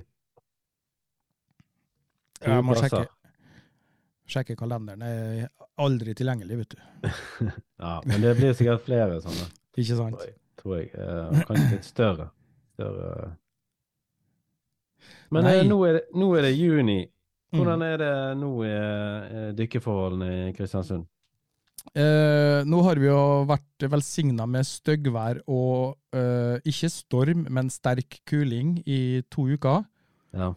Ja, det, det har vært Det har vært rett og slett eh, tragisk, vil jeg si. Værmessig. Det, Mm. eh, jeg kan ikke huske eh, sist det har vært så dårlig, altså. Så det har vært litt trist. Um, og fire-fem meter sikt på det beste, i hvert fall når jeg bare ute uti. Uh, fisken er der jo, selvfølgelig, da. Uh, Forholdene har ikke vært helt Men vi, vi er heldige, vi har mange fine, gode plasser i le. Mm. Og I og med at det, vil, det øyet vi bor på, så Mm. kan jo vi eh, dra ut eh, i le, altså for vind, på alle områdene rundt øya. Mm. Og vi har gode plasser stort sett rundt det meste her, kan du si. Mm. Så der er vi litt heldige. Ja, ok, vi er vestavind i dag, ja, men da kan vi ferde ned i bukta der i dag, eksempel. Mm. Det går an. Så eh, vi er ikke avhengig av uh, kun én uh, vindretning, sånn sett. Hvordan er det med Er det sånn i Kristiansundsområdet at nordavind gjør at sikten blir god? Nordavind, at det kommer fra nord, Ja. ja, eh, da får vi jo pålandsvind eh, på de beste områdene. Ja. Eh, stort sett. Eh, men eh, Og det er dårlig? Ja, for da samler jo alle gurba seg inn mot land, ja, og, mot land, ok. og, og, og sånn, da. Men, men jeg skal være ærlig og si at uh, jeg tenker ikke så mye vindretning i forhold til sikt når jeg skal ut og dykke. Fordi Ja. jeg vil bare komme meg i sjøen, egentlig. Mm. Eh, Ørjan derimot, for eksempel, han er litt mer sånn analytisk og tenker litt mer over sånne ting. Nå er han litt mer erfaren enn meg i forhold til eh, sjølivet og generelt. Eh, faren som fisker sikkert daglig med båt og har sommerhus på Grip, og ikke sant, de er jo veldig mye ute i sjøen. Så, de, så han er litt mer analytisk Mm. og tenker litt mer i de baner, da. Men uh, for min del så OK, hvis det er dårlig sikt, ja ja, da var det dårlig sikt den dagen. Uh, men men eh, jeg, jeg planlegger i hvert fall ikke ut, ut ifra det. Ja. Nei, det var så god sikt i går da jeg dykket at Ja, det var helt utrolig. Så jeg har lyst til å oppleve det igjen. Så da, Ja. denne uken her så er jeg to dager der mulig, en mulighet for at jeg dykker før jobb, og så er det to dager jeg begynner klokken ett. Og da rekker jeg Ja. faktisk å dykke før jobb. Den ene dagen er nordavind, og den andre det er ikke nordavind. Ja. Men merker, har du merka det hos dere, da? At, at du får noe det noe forskjell? Nei, nei, det var bare det, for jeg prøvde bare å finne ut hvorfor det var så god sikt, men, men samtidig, dagen før så hadde han eh, Mikael Byer, han hadde lagt ut et sånt satellittkart. Og der kunne du se det som at det var grønt innover i fjorden, nord for Stemmer det. Stord Ja, og innover stem, der. ja stemmer det. Mm. Og så, så så det liksom opp lenger. Jeg tørde liksom ikke å håpe på det heller. Så hadde jeg vært på Os, som ligger liksom litt sør for Bergen. Og så var jeg ute på en kai der, og da så jeg at det var god sikt fra kaien. Mm. Men jeg tørde liksom ikke å håpe på det, for du vet aldri. Nå, du kan komme av og til ned til sjøen, og så ser du på sjøen og så du, å, det er god sikt, og så hopper du uti, så er ikke det god sikt. Nei, nei. Nei, Jeg har stått mange ganger på brygga, der har båten, og oi, oi, det her ser bra ut. Det her blir en fin dag. Mm. Og så kommer jeg til de plassene jeg skal hoppe uti, og så var det ikke det. Men eh, igjen, da. eh, jeg, jeg vet ikke, det er et eller annet som skjer når jeg hopper i sjøen som gjør at Ja, ja. eh, det spiller egentlig ingen rolle. Det er sånn eh, det, er noe, det er noe euforisk over det, egentlig. altså. Ja. Det er gøy med god sikt, da. Det Selvfølgelig, selvfølgelig. Ja, vi men det er ikke om noe must. Vi snakka om det, jeg og Ørjan, eh, liksom sikt kontra dårlig sikt, og hvor, om fisken er sky eller ikke sky, da. Ikke sant? Altså, en mer på vakt når det er god sikt, eller eh, når det er, en, når det er dårlig sikt, eksempel. Mm. Uh, det er mulig det er noe i det, at en er mer observant, men som jeg, som, som, som jeg sa, altså, jeg tror allikevel at fisken senser deg Mm. enten det er god sikt eller dårlig sikt. Så jeg Mm. tror jeg nok at vibrasjonene vi utgir og sånn, det klarer en å, å fange opp. At Mm. det, det, uansett da, når du dykker, så er det viktig å ha den roa, sånn at du ikke oppfattes som truende. Mm. Jeg tror det er ganske viktig, altså. Når det er dårlig sikt, så kommer du ofte så nærme på fisken før du ser den at det Ja. Jeg svømte meg på en torsk her en gang, det var, jeg tror det var fire meter sikt en gang, så svømte jeg ned, eh, og, det, ja, det, og da kom jeg ned på fire meter, for jeg så jo ingenting da. Mm. Og der var den, jeg tror den var en 10-11 kilo, den torsken. Og jeg ble så perpleks akkurat når jeg traff den, så jeg tror jeg pusta ut eh, lufta jeg hadde, og så jeg, jeg får bare snu og svømme opp, og så lå jeg og så pusta meg opp igjen. Ok, jeg prøver å dykke ned på samme plassen for, for å se, han er sikkert ikke der. Jo da, Ja. var der. Så jeg fikk jo Ja. tatt den torsken. ja. Men, eh, og da, da svømte jeg ned i intet, men jeg visste lokasjonen sånn cirka, eh, og, og der var han på, på den samme plassen. da. Mm. Så, så har jeg en, det er en del plasser der jeg har sånn eh, skvalpeskjær, Mm. eh, og når det er dårlig sikt, så er det veldig spennende å svømme innimellom der. Mm. Eh, og så bare plutselig kan det dukke opp noe fisk. På grunt vann? Hæ? På grunt vann? Ja, sånn skvalpeskjær. Sånn, Ja. eh, eh, når du har lavvann, så ligger ta- taren over vannoverflata. Mm. Eh, og har en del sånne faste lokasjoner som jeg får å dykke på, som jeg kjenner ganske ut og inn. og det jeg ser, da, det er jo endring fra år til år eh, med både vegetasjon og antall fisk. Noen gang eh, kan det virke som om at tangen liksom ikke helt eh, har kommet i blomst skikkelig for seint, og noen ganger så kan det være omvendt. Så nå har jeg ikke dykka på campingplassen min i år, så jeg er litt spent på hvordan Mm. det er hvordan det står til med familien Berggylt. Ja, ja. Har det kanskje kommet noen nye medlemmer i kanskje det, kanskje det. det Kanskje de, kanskje de ja. har blitt besteforeldre, de òg? Han vet aldri.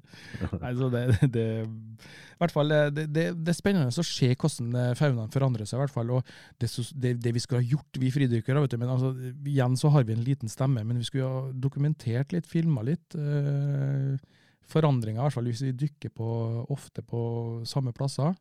Ja. Øh, hvordan ting endrer seg. Øh, spesielt i forhold til, til faunaen. Da. Nå har jeg ennå ikke sett sånn, eh, hva det heter havnesby. Er ikke det som er litt sånn krise nå? Jo, det er visst ganske krise. Jeg trodde Ja. at det var det jeg så ute på hytten for et par uker siden, men jeg fant heldigvis ut at det var ikke Havnesby. Nei. Og, Nei, det er litt sånn uh, uggent, alt det der, liksom, at du kan få inn sånne ting i Og det kan jo være katastrofalt eh, for det, egentlig. mm. Så um, litt sånn, ja. Ja, det er bra. Vi må følge med. Det- Ja, absolutt. Absolutt. Ja. Men så er det da liksom øh, Hvor høyt kan vi rope? Hvor høyt kan vi bli hørt? øh, Hvis vi på en måte sier fra. Vi har jo selvfølgelig kanaler vi kan rapportere inn til, da, videre. Det har vi jo. Så jeg tror i hvert fall at vi skal være Prøve å være så obs som vi klarer, i hvert fall i forhold til hvordan faunaen endrer seg, og, og, og komme med en varsko hvis vi virkelig ser at øh, her må her må noen komme og skje. Er ikke vi inne i en liksom ny bølge med mange nye frydykkere nå? Mm. Eller er det bare Føler du liksom inne i den tredje bølgen nå? Ja, Eller er det bare ja jeg, jeg skjønner hva du sier. Jeg har ikke helt tenkt over det, men øh, jeg er med litt på hva du sier der, ja. Eh, Det er en sånn følelse av at det, er en ting er i hvert fall sikkert. Altså, det oppdages jo av mange over det langstrakte land nå. Det gjør jo Mm. det. Mm. Uh, og mange har lyst til å prøve, og mange har lyst til å være med på det her, og, og det er jo kjempeflott. Mm. Jeg, jeg, tror det at um, Jeg tror det er en, en, en av de sportene som uh, kanskje mange har hatt godt av å prøvd for å, for du, du får å slappe av på en veldig god måte, og du får, uh, det er veldig behagelig, og så er det veldig uh, behagelig etterdykk. Mm.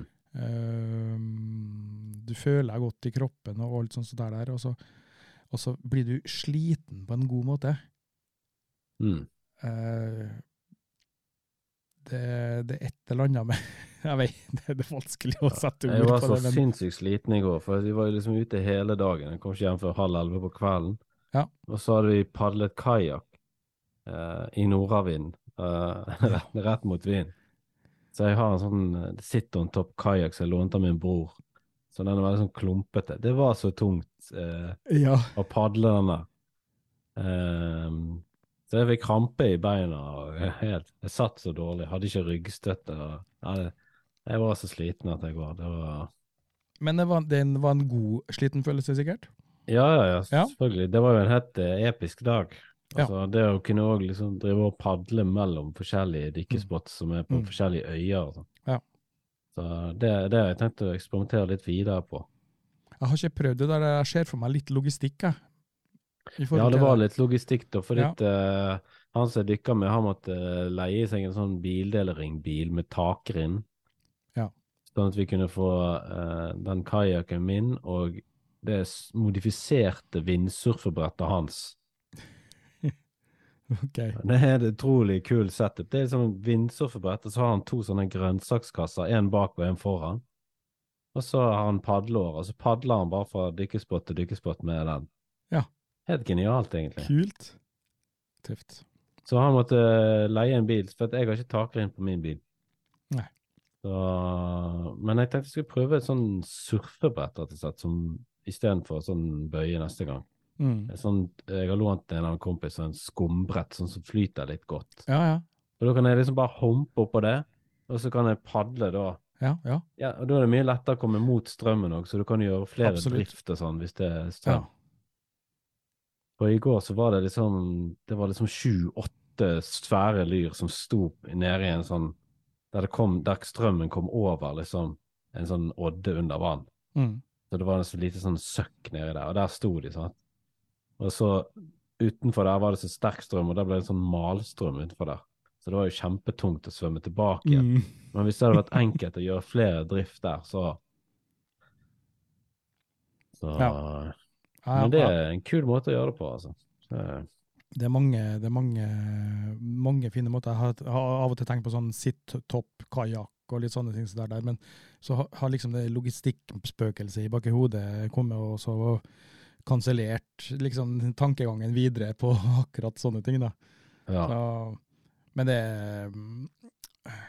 Igjen, da, så jeg er jo ganske heldig i forhold til plassen jeg bor, og plassen der jeg har ferieplassen min, skulle jeg ta si, på den, på den campingplassen. da, eh, Mm. Hvor jeg bare Altså, det er jo et steinkast fra plassen min ned til båten. Så øh, det, jeg, jeg har ikke noe behov for noe annet enn det, egentlig.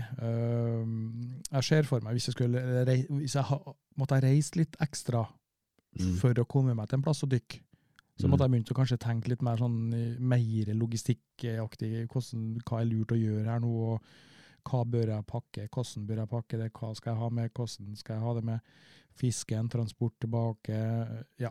Um, men, no, men jeg, jeg trenger liksom ikke å tenke i de baner, egentlig. Ja. Så det er jo veldig stort um, båtmiljø her i Kristiansund, ja, naturlig nok, i forhold til Vi ligger jo på uh, forskjellige øyer. Mm. Eh, Så det er jo alle de plassene der Ørjan har båt, eksempel, så er det jo Mm. eh, vann og springe og alt mulig sånn for å skylle av. Og du kan egentlig ta alt, eh, bortsett ifra å renske fisk, da. Mm. Det får du ikke lov til, og det skjønner jeg godt. At du ikke Mm. skal ha noe sånn i båthavna der. Men altså alt av skylling og utstyr og alt mulig sånn kan du få gjort. Så, så det er enkelt tilgang, da. Tilkomst, Både tilkomst og tilgang til, til de typer fasiliteter. Og det gjør det jo litt lettere, da.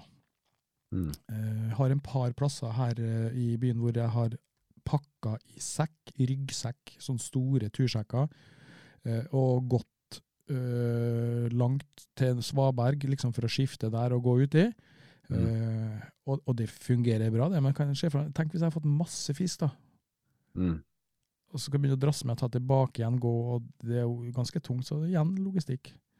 Ja, nei, men det er, det er hver, hver ting har sin sjarm. Jeg syns det er gøy med sånne nye, ny utforsking. og Ja. Har kamerater som sier sånn Nei, jeg skal ikke bare dra dit, og der er det jo alltid bra. Og da vet du liksom at du får fisk. Men det handler liksom ikke bare om det. Det handler Nei. om liksom å Nye, spennende plasser, det er alltid, er alltid fint. Fordelen med plasser du har vært på, sant? det er at du kjenner området såpass godt at du vet at du er ganske trygg når du dykker. mm, Eh, Så noe som, noe som gjør, og jeg vil påstå, eh, gjør, gir deg også bedre bunntid og sånn hvis det er det du er ute etter. mm, Eh, Men tryggheten er kanskje den viktigste. og da blir du, Er du en trygg jeger, så er du en god jeger. Mm, Uh, og og det, det er helt klart at sånne ting på faste plasser, da har du de fordelene. Men igjen, da, eventyren i deg sier det at ja, vi må, vi, der, der, der ser det bra ut, sant? mm, Der har jeg lyst til å, å dykke. Og um, før jeg begynte å jobbe inn på kontor da, på jobben nå, så reiste jeg jo rundt hele Nordmøre.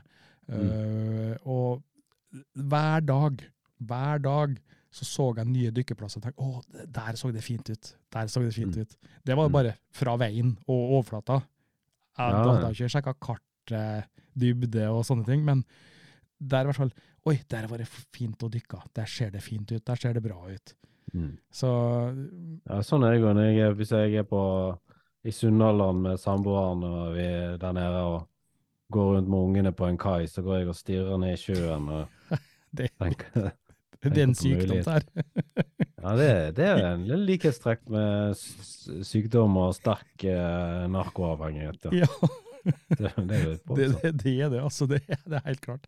Nei, det, altså, vi, jeg mener vi, vi er veld, veldig heldige som bor i det landet vi bor i. Eh, Vi er veldig heldige som har funnet uh, denne sporten og hobbyen. Uh, for det første fordi at de de fleste kan gjøre det her, kan prøve seg ut på det her. Men så er det også en, eh, en hobby, sport, skråstrek sport, som du kan drive eh, i mange år. Mm, mm.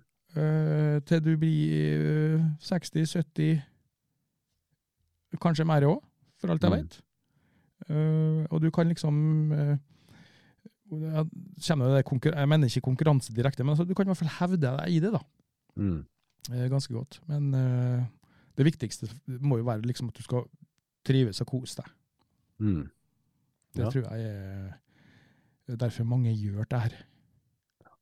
Skal du reise på noen uh, dykkerferier i Norge i Ikke noen, noe, dykke, ikke noe dykkerferier. Jeg har, øh, som jeg sa, jeg var utdrikningslag i, i, i går.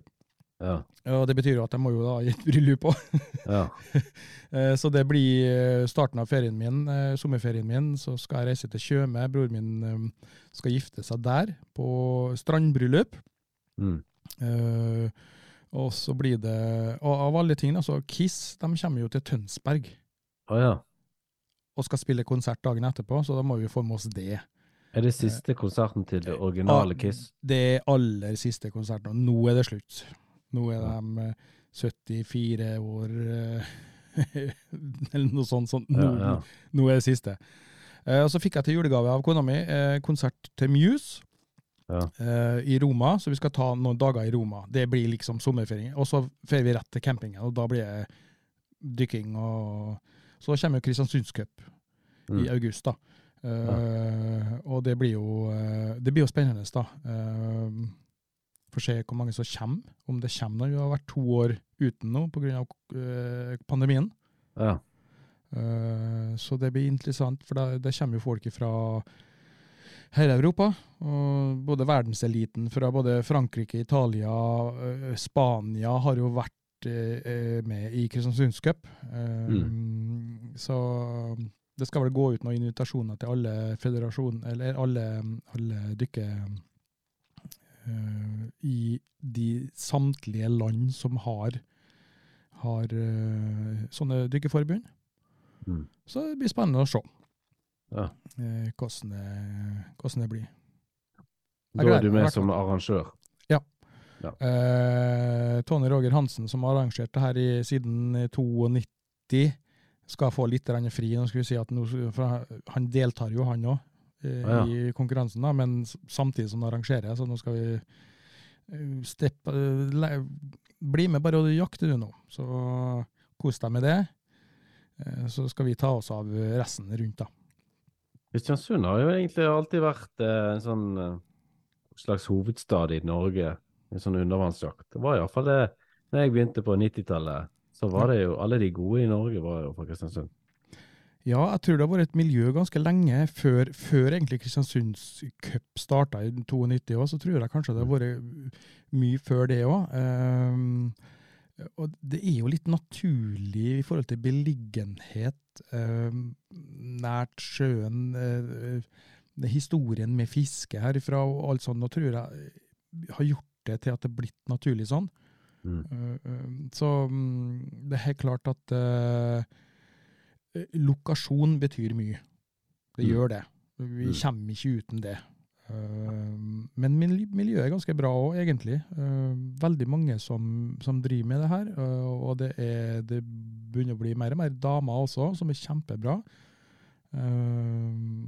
Så jeg håper det egentlig bare vokser. At det blir litt større enn eh, enn når jeg starta. Og det, det ser i hvert fall sånn ut. Mm. Det er i hvert fall plass til dobbelt så mange som det er nå, uten at det oh, ja. skal være noe problem. Ja, nei, altså Tror ikke det blir noe problem i det hele tatt. Mm. Uh, men det er viktig å, viktig å være en uh, moralsk eh, god jeger. Mm. Jeg får ikke sagt det nok, egentlig. Jeg tror det er det, I hvert fall, hvert fall utad. Ja. Tror jeg det er viktig. Har du mye lyr i frysen, Ivan? Nei, det er null. Null. Null lyr, øh, først og fremst fordi øh, den tidligere fryseren min den gikk jo bang til dundas. Det var jo Mm. suppe oppi her. Uff. Eh, så det eneste fisken jeg har i frysen nå, det er den seinen jeg fikk eh, av Ørjan, og noe torsk som vi tok eh, da vi var ute og dykka. Det ble jo styggvær. Det ble jo skikkelig styggvær. Vi jo, ble jo ivrige, jeg og Ørjan, og så svømte på, på nordsida av Kristiansund her, og så blaste det opp. Så Mm. voldsomt. Det kom jo tre, fire, fem meters bølger. Eh, kanskje ikke fem meter, men i hvert fall eh, såpass at de måtte flytte dykkerbåten der vi hadde ankra opp eh, lenger inn, eh, Mm. fordi sjøen begynte virkelig å slå, sant. Mm. Eh, og da var det tungt å svømme tilbake.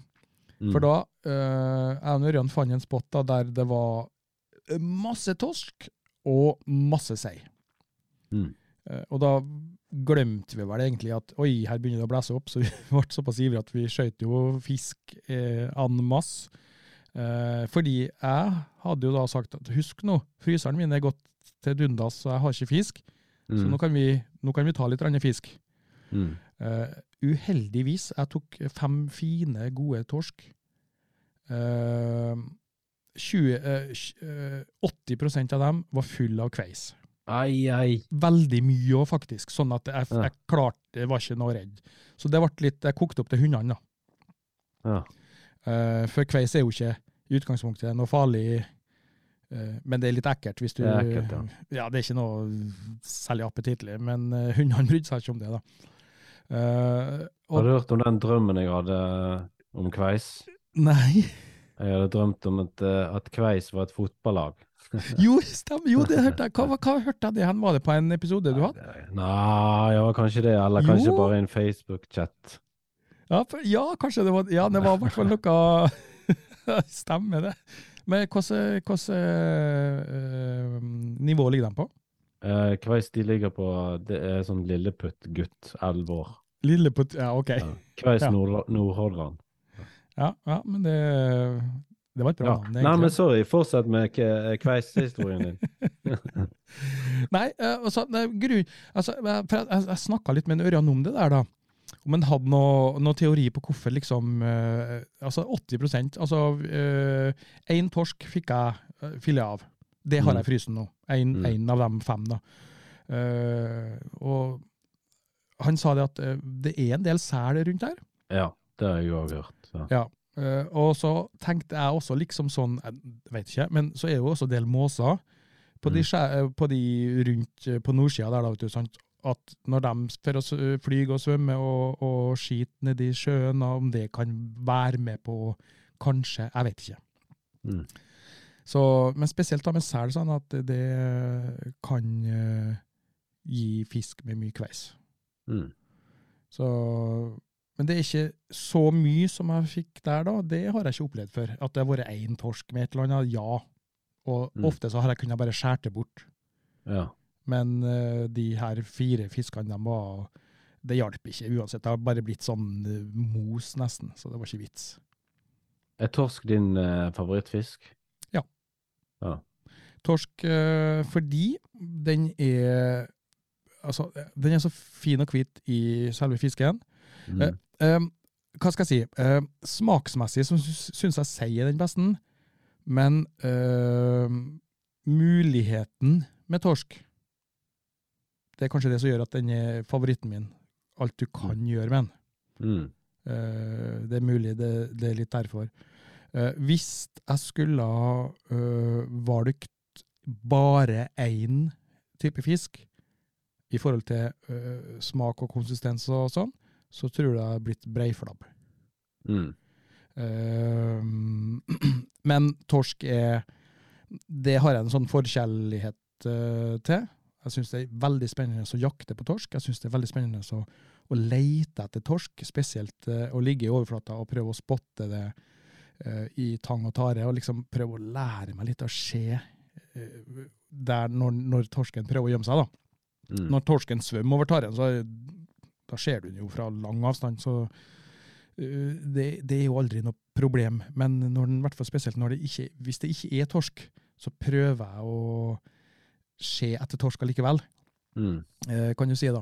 Eh, og og eh, så prøver jeg av og til også å rope på torsken. Mm. Og det har jeg fått eh, av og til litt suksess med. Jeg vet ikke om det funker, om det bare er tilfeldig. eller hva. Hva, hva, hvordan roper du da? Nei, du bruker jo sånn eh, det, det, når torsken er kåt. Ja. eh, den der mm, mm, mm. Ja. At du tar lyden ifra strupen. Ja. Eh, jeg snakka litt med Nørjan om det, og han sier at jo, han har brukt det mange ganger, han har liksom Men om om det funker eller ikke, jeg vet ikke. Ja. Eh, Nei, Jeg har eksperimentert litt med det med, med lyren. Ja. ja. Men jeg eh, kan ikke si med sikkerhet om det har noen effekt eller ikke. Jeg tror Nei. egentlig det- beste er alltid bare å svømme ned på bunnen og gjemme seg litt, og så Ja. kommer de tilbake. Men eh, Ja, for lyren er veldig, veldig nysgjerrig. Blir den vant Ja, det- til det, så tror jeg du Ja, det klarer å lure den nærmere og nærmere og nærmere. ja. Så en fire-fem dykk på samme plassen, der det, hvis det er lyr den etter, ut etter, så tror jeg du har den. Ingen rekkevidde. Det, Ja. er- det er helt klart det, i hvert fall det som eh, jeg har opplevd, i hvert fall, at, eh, at den er. Så ja, jeg, Nei, det er torsk som er min favoritt, og igjen da, så er det, jeg synes det er en spennende måte å jakte på. Eh, og så har jeg den der for meg sjøl, da. Kom så nærme som mulig. ja. Det, det, lik, det har jeg litt sånn, da, da føler jeg litt sånn, litt ekstra mestring. Jeg klarte å komme meg så nærme inn på torsken som mulig. Da har du, da har du gjort et stykke jakt, tenker jeg da. ja. Eh, så, Jeg vil jo anbefale alle å lytte til de episodene som dere har om eh, jakt i siste. Der, der er det veldig mye gode eh, tips på torskejakt. Ja. Litt av problemet er at vi, vi klarer jo ikke å stå på og prate. Det, det, det blir jo sånn. Jo, men Det- altså, når dere snakker om torsk, da er dere veldig on point, synes jeg. Ja, vi prøver jo så godt vi kan. Det er jo erfaring av det her, da. Det er jo det Mm. det, det går ut på, det vi rett og slett har selv eh, erfart. Mm. Uh, altså, Ørjan han er jo utømmelig med informasjon på det meste innen der òg, vet du. Så eh, jeg, jeg sitter jo og spør ut han mm. for at lytterne skal få, få med seg det. liksom. Uh, og det funker veldig gre- godt, syns jeg. Uh, han deler villig med infoen sin, og bortsett fra de beste spottene, plassene. Og jeg de- deler ikke de med deg? De holder, der holder, han jeg tror nok han har masse spotter som han holder hemmelig selv for meg, ja. Ja. Det tror jeg. Hva, de kan være bare alene da, eller? Eh, det tror jeg nok. Mm. Det tror jeg nok, ja. Helt klart. Men han maser på meg hele tida, da. Men han jobber jo øh, sånn øh, turnus, eller sånn øh, forskjellige Ja, det er tids... samme som meg. Ja, ikke sant? Og Mm. da, da, da kjenner du jo til dette, her, så han midt på dagen så spør han meg blir du med ut og hoppe i sjøen nå. Og så, ja, men Ørjan, jeg er på jobb. Ja. Jeg er ferdig fire. jeg. Du kan stille klokka til meg, sant? Åtte til fire. Eh, Så enkel er jeg. Eh, altså, han glemmer det, da, vet du. Ja, Uff, ja, ok. Ja, nei, jeg skal på kveld i dag, så da blir det ikke det. Så er når du har sånn jobb sånn som meg og Ørjan, da må du ha veldig mange dykkerbuddies. Så må du ha gjerne sånne spesielle dykkerbuddies som har sånne jobber sånn at de har fri på ukedagene. ja, ikke sant. Jeg har faktisk en, en del sånne. Mm. Ja, jeg tror det er viktig. Jeg tror det mm, Og det, all, alltid så har du det her med sikkerhet å gjøre. Mm. Det, det er helt klart. Og jeg dykker mye alene på, utenfor campingen til meg. Uh, og da er det innenfor trygge områder som jeg kjenner veldig godt til. og sånn, og eh, I og med at jeg bruker ofte den der, der eh, spottejaktmetoden, ikke sant? At du fra overflata så da, altså, da er lite sånn ventejakt. Mm. At jeg dukker ned, legger meg i taren og ligger der og holder pust, og ikke sant, den biten der, det, det er det nesten ingenting av. Da, da er det spotting, og ned og ta, og opp igjen. Mm. Ja, Ventejakt det er jo veldig sånn uh, lyrespesifikk jakt. Ja, men også til torsk, altså. Torsk er òg Jeg ser altså, det, er så, det er så magisk. Første gangen jeg gjorde det her, og dykka ned og la meg i taren, og så gikk det tre sekunder Det var ikke en fisk, og så gikk det tre sekunder, så var det plenty fisk rundt deg. Husker jeg liksom første gangen så var Jøss, hvor kom de ifra? Jeg la ikke merke til at de var her engang, og så bare plutselig wow, er fullt av fisk rundt deg. Mm. Så det er en veldig spesiell opplevelse. Og sånn er det nå òg, både på torsk òg.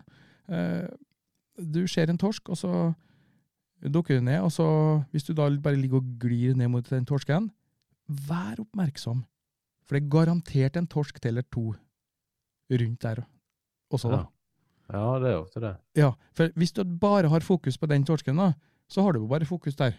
Og da Mm. klarer du ikke å se de andre. Men hvis du eh, skjer litt ekstra, så kan det være en større en. Eller større en. Mm. Jeg har ett eh, torsketips eh, som er basert på mine erfaringer. Ja. Og eh, det er hvis torsken har oppdaget deg og svømmer vekk ifra deg, så må du ikke svømme etter. Og da, da er det akkurat sånn for bekreftet at du er trygg. Yes. Og da eh, kan du egentlig ligge i ro, egentlig, og så bare sikte. Mm. Jeg er helt enig med deg, og et kjempegodt tips, faktisk. Uh, hvis, hvis, altså, for du, du, du ser det på torsken. Mm. Uh, måten han svømmer på, uh, om han er trygg eller ikke. Mm. Eh, hvis han får litt de raske bevegelsene, litt Mm. med halen eller sånn, så, så vet du at ok, da har han følt at du er litt truende. Mm. Og det beste da er å avbryte dykket og ta en rolig oppstigning, Mm. men prøv å holde eh, fokus på torsken så du ser i hvert fall hvor den er igjen. Og så kan du ligge og puste deg opp og vente der, da. Jæklig vanskelig, da. Det er ofte litt strøm der som jeg dykker, så det er Ja. vanskelig å komme ned igjen på Ja, en sånn plass. Det, det er et problem hvis det er mye strøm. Mm. Uh, så mister du jo sånn på et knips den plassen du var på, nesten Mm. når du ligger opp. Så det, det er sant. Godt poeng, det, altså. Men jeg er enig med deg. Uh, det, det, tror jeg også som er eh, nøkkelen. Ikke la torsken føle at du er en trussel. Mm. Det tror jeg er nøkkelen til å overvinne. Men har du, har du sett noen ganger der du kommer rett på torsken? Eh, altså ansikt mot ansikt, der torsken ikke vet om man skal gå til høyre eller venstre. Mm, mm. Da, det, da har du ofte gode sjanser. Altså. Da har du gode sjanser. Altså det, det er sånn. Uh, men altså, så jeg, jeg har truffet på uh, i så mange forskjellige scenarioer torsk, hvor jeg med en gang ser om, om du ble oppfatta som en trussel eller ikke. Sjøl om han ser deg, så trenger han ikke nødvendigvis å føle seg trua. Uh, og de gangene jeg har sett med en gang at torsken uh, kommer mot meg og svinger i full fart til høyre eller venstre, sant? Mm. da har jeg gjort et eller annet. Da har jeg kanskje Oi, hei, en torsk. sant? Jeg har blitt litt for Mm, ivrig og fått en liten en eller annen bevegelse eller rykning eller et eller annet. Uh, sånn oppfatter jeg det i hvert fall. Mm. Så, så igjen, altså, nøkkelen der er, det er å være rolig. Og som, eh, som vi sa i, i for, forrige episode, slow motion. Tenk slow motion. Så Mm. Så har du i hvert fall, da er du inne på noe. Ja. 120 bilder i sekundet. ja, nei, det er gode tips. Ja. Nei, men det er veldig kult, Ivan. Da Da eh, sier jeg tusen takk for uh, intervjuet. Veldig hyggelig å være med. Veldig hyggelig Ja. også å snakke med deg face to face, sånn som vi gjør nå. Ja. Ja. Da uh, snakkes vi. Lykke til med årets sesong i Ja. Du òg. Takk til Ivan Knutseth. Hvis det er noen som ikke hører på Just That Water ennå, så må dere uh, begynne å gjøre det. Ørjan og Ivan de uh, deler eh, veldig sjenerøst av sin uh, undervannsjakterfaring. Husk å sjekke ut eh, Havkontoret på Instagram og Facebook. Så vil jeg gjerne òg hylle HC og Andreas, som er patrions for eh, Havkontoret. Det går an å gå inn og sjekke ut eh, den siden òg. nå har jeg fått meg et GoPro-kamera, så nå skal jeg begynne å lage eh, videoer. Så det må dere eh, holde øynene åpne for. Vi snakkes.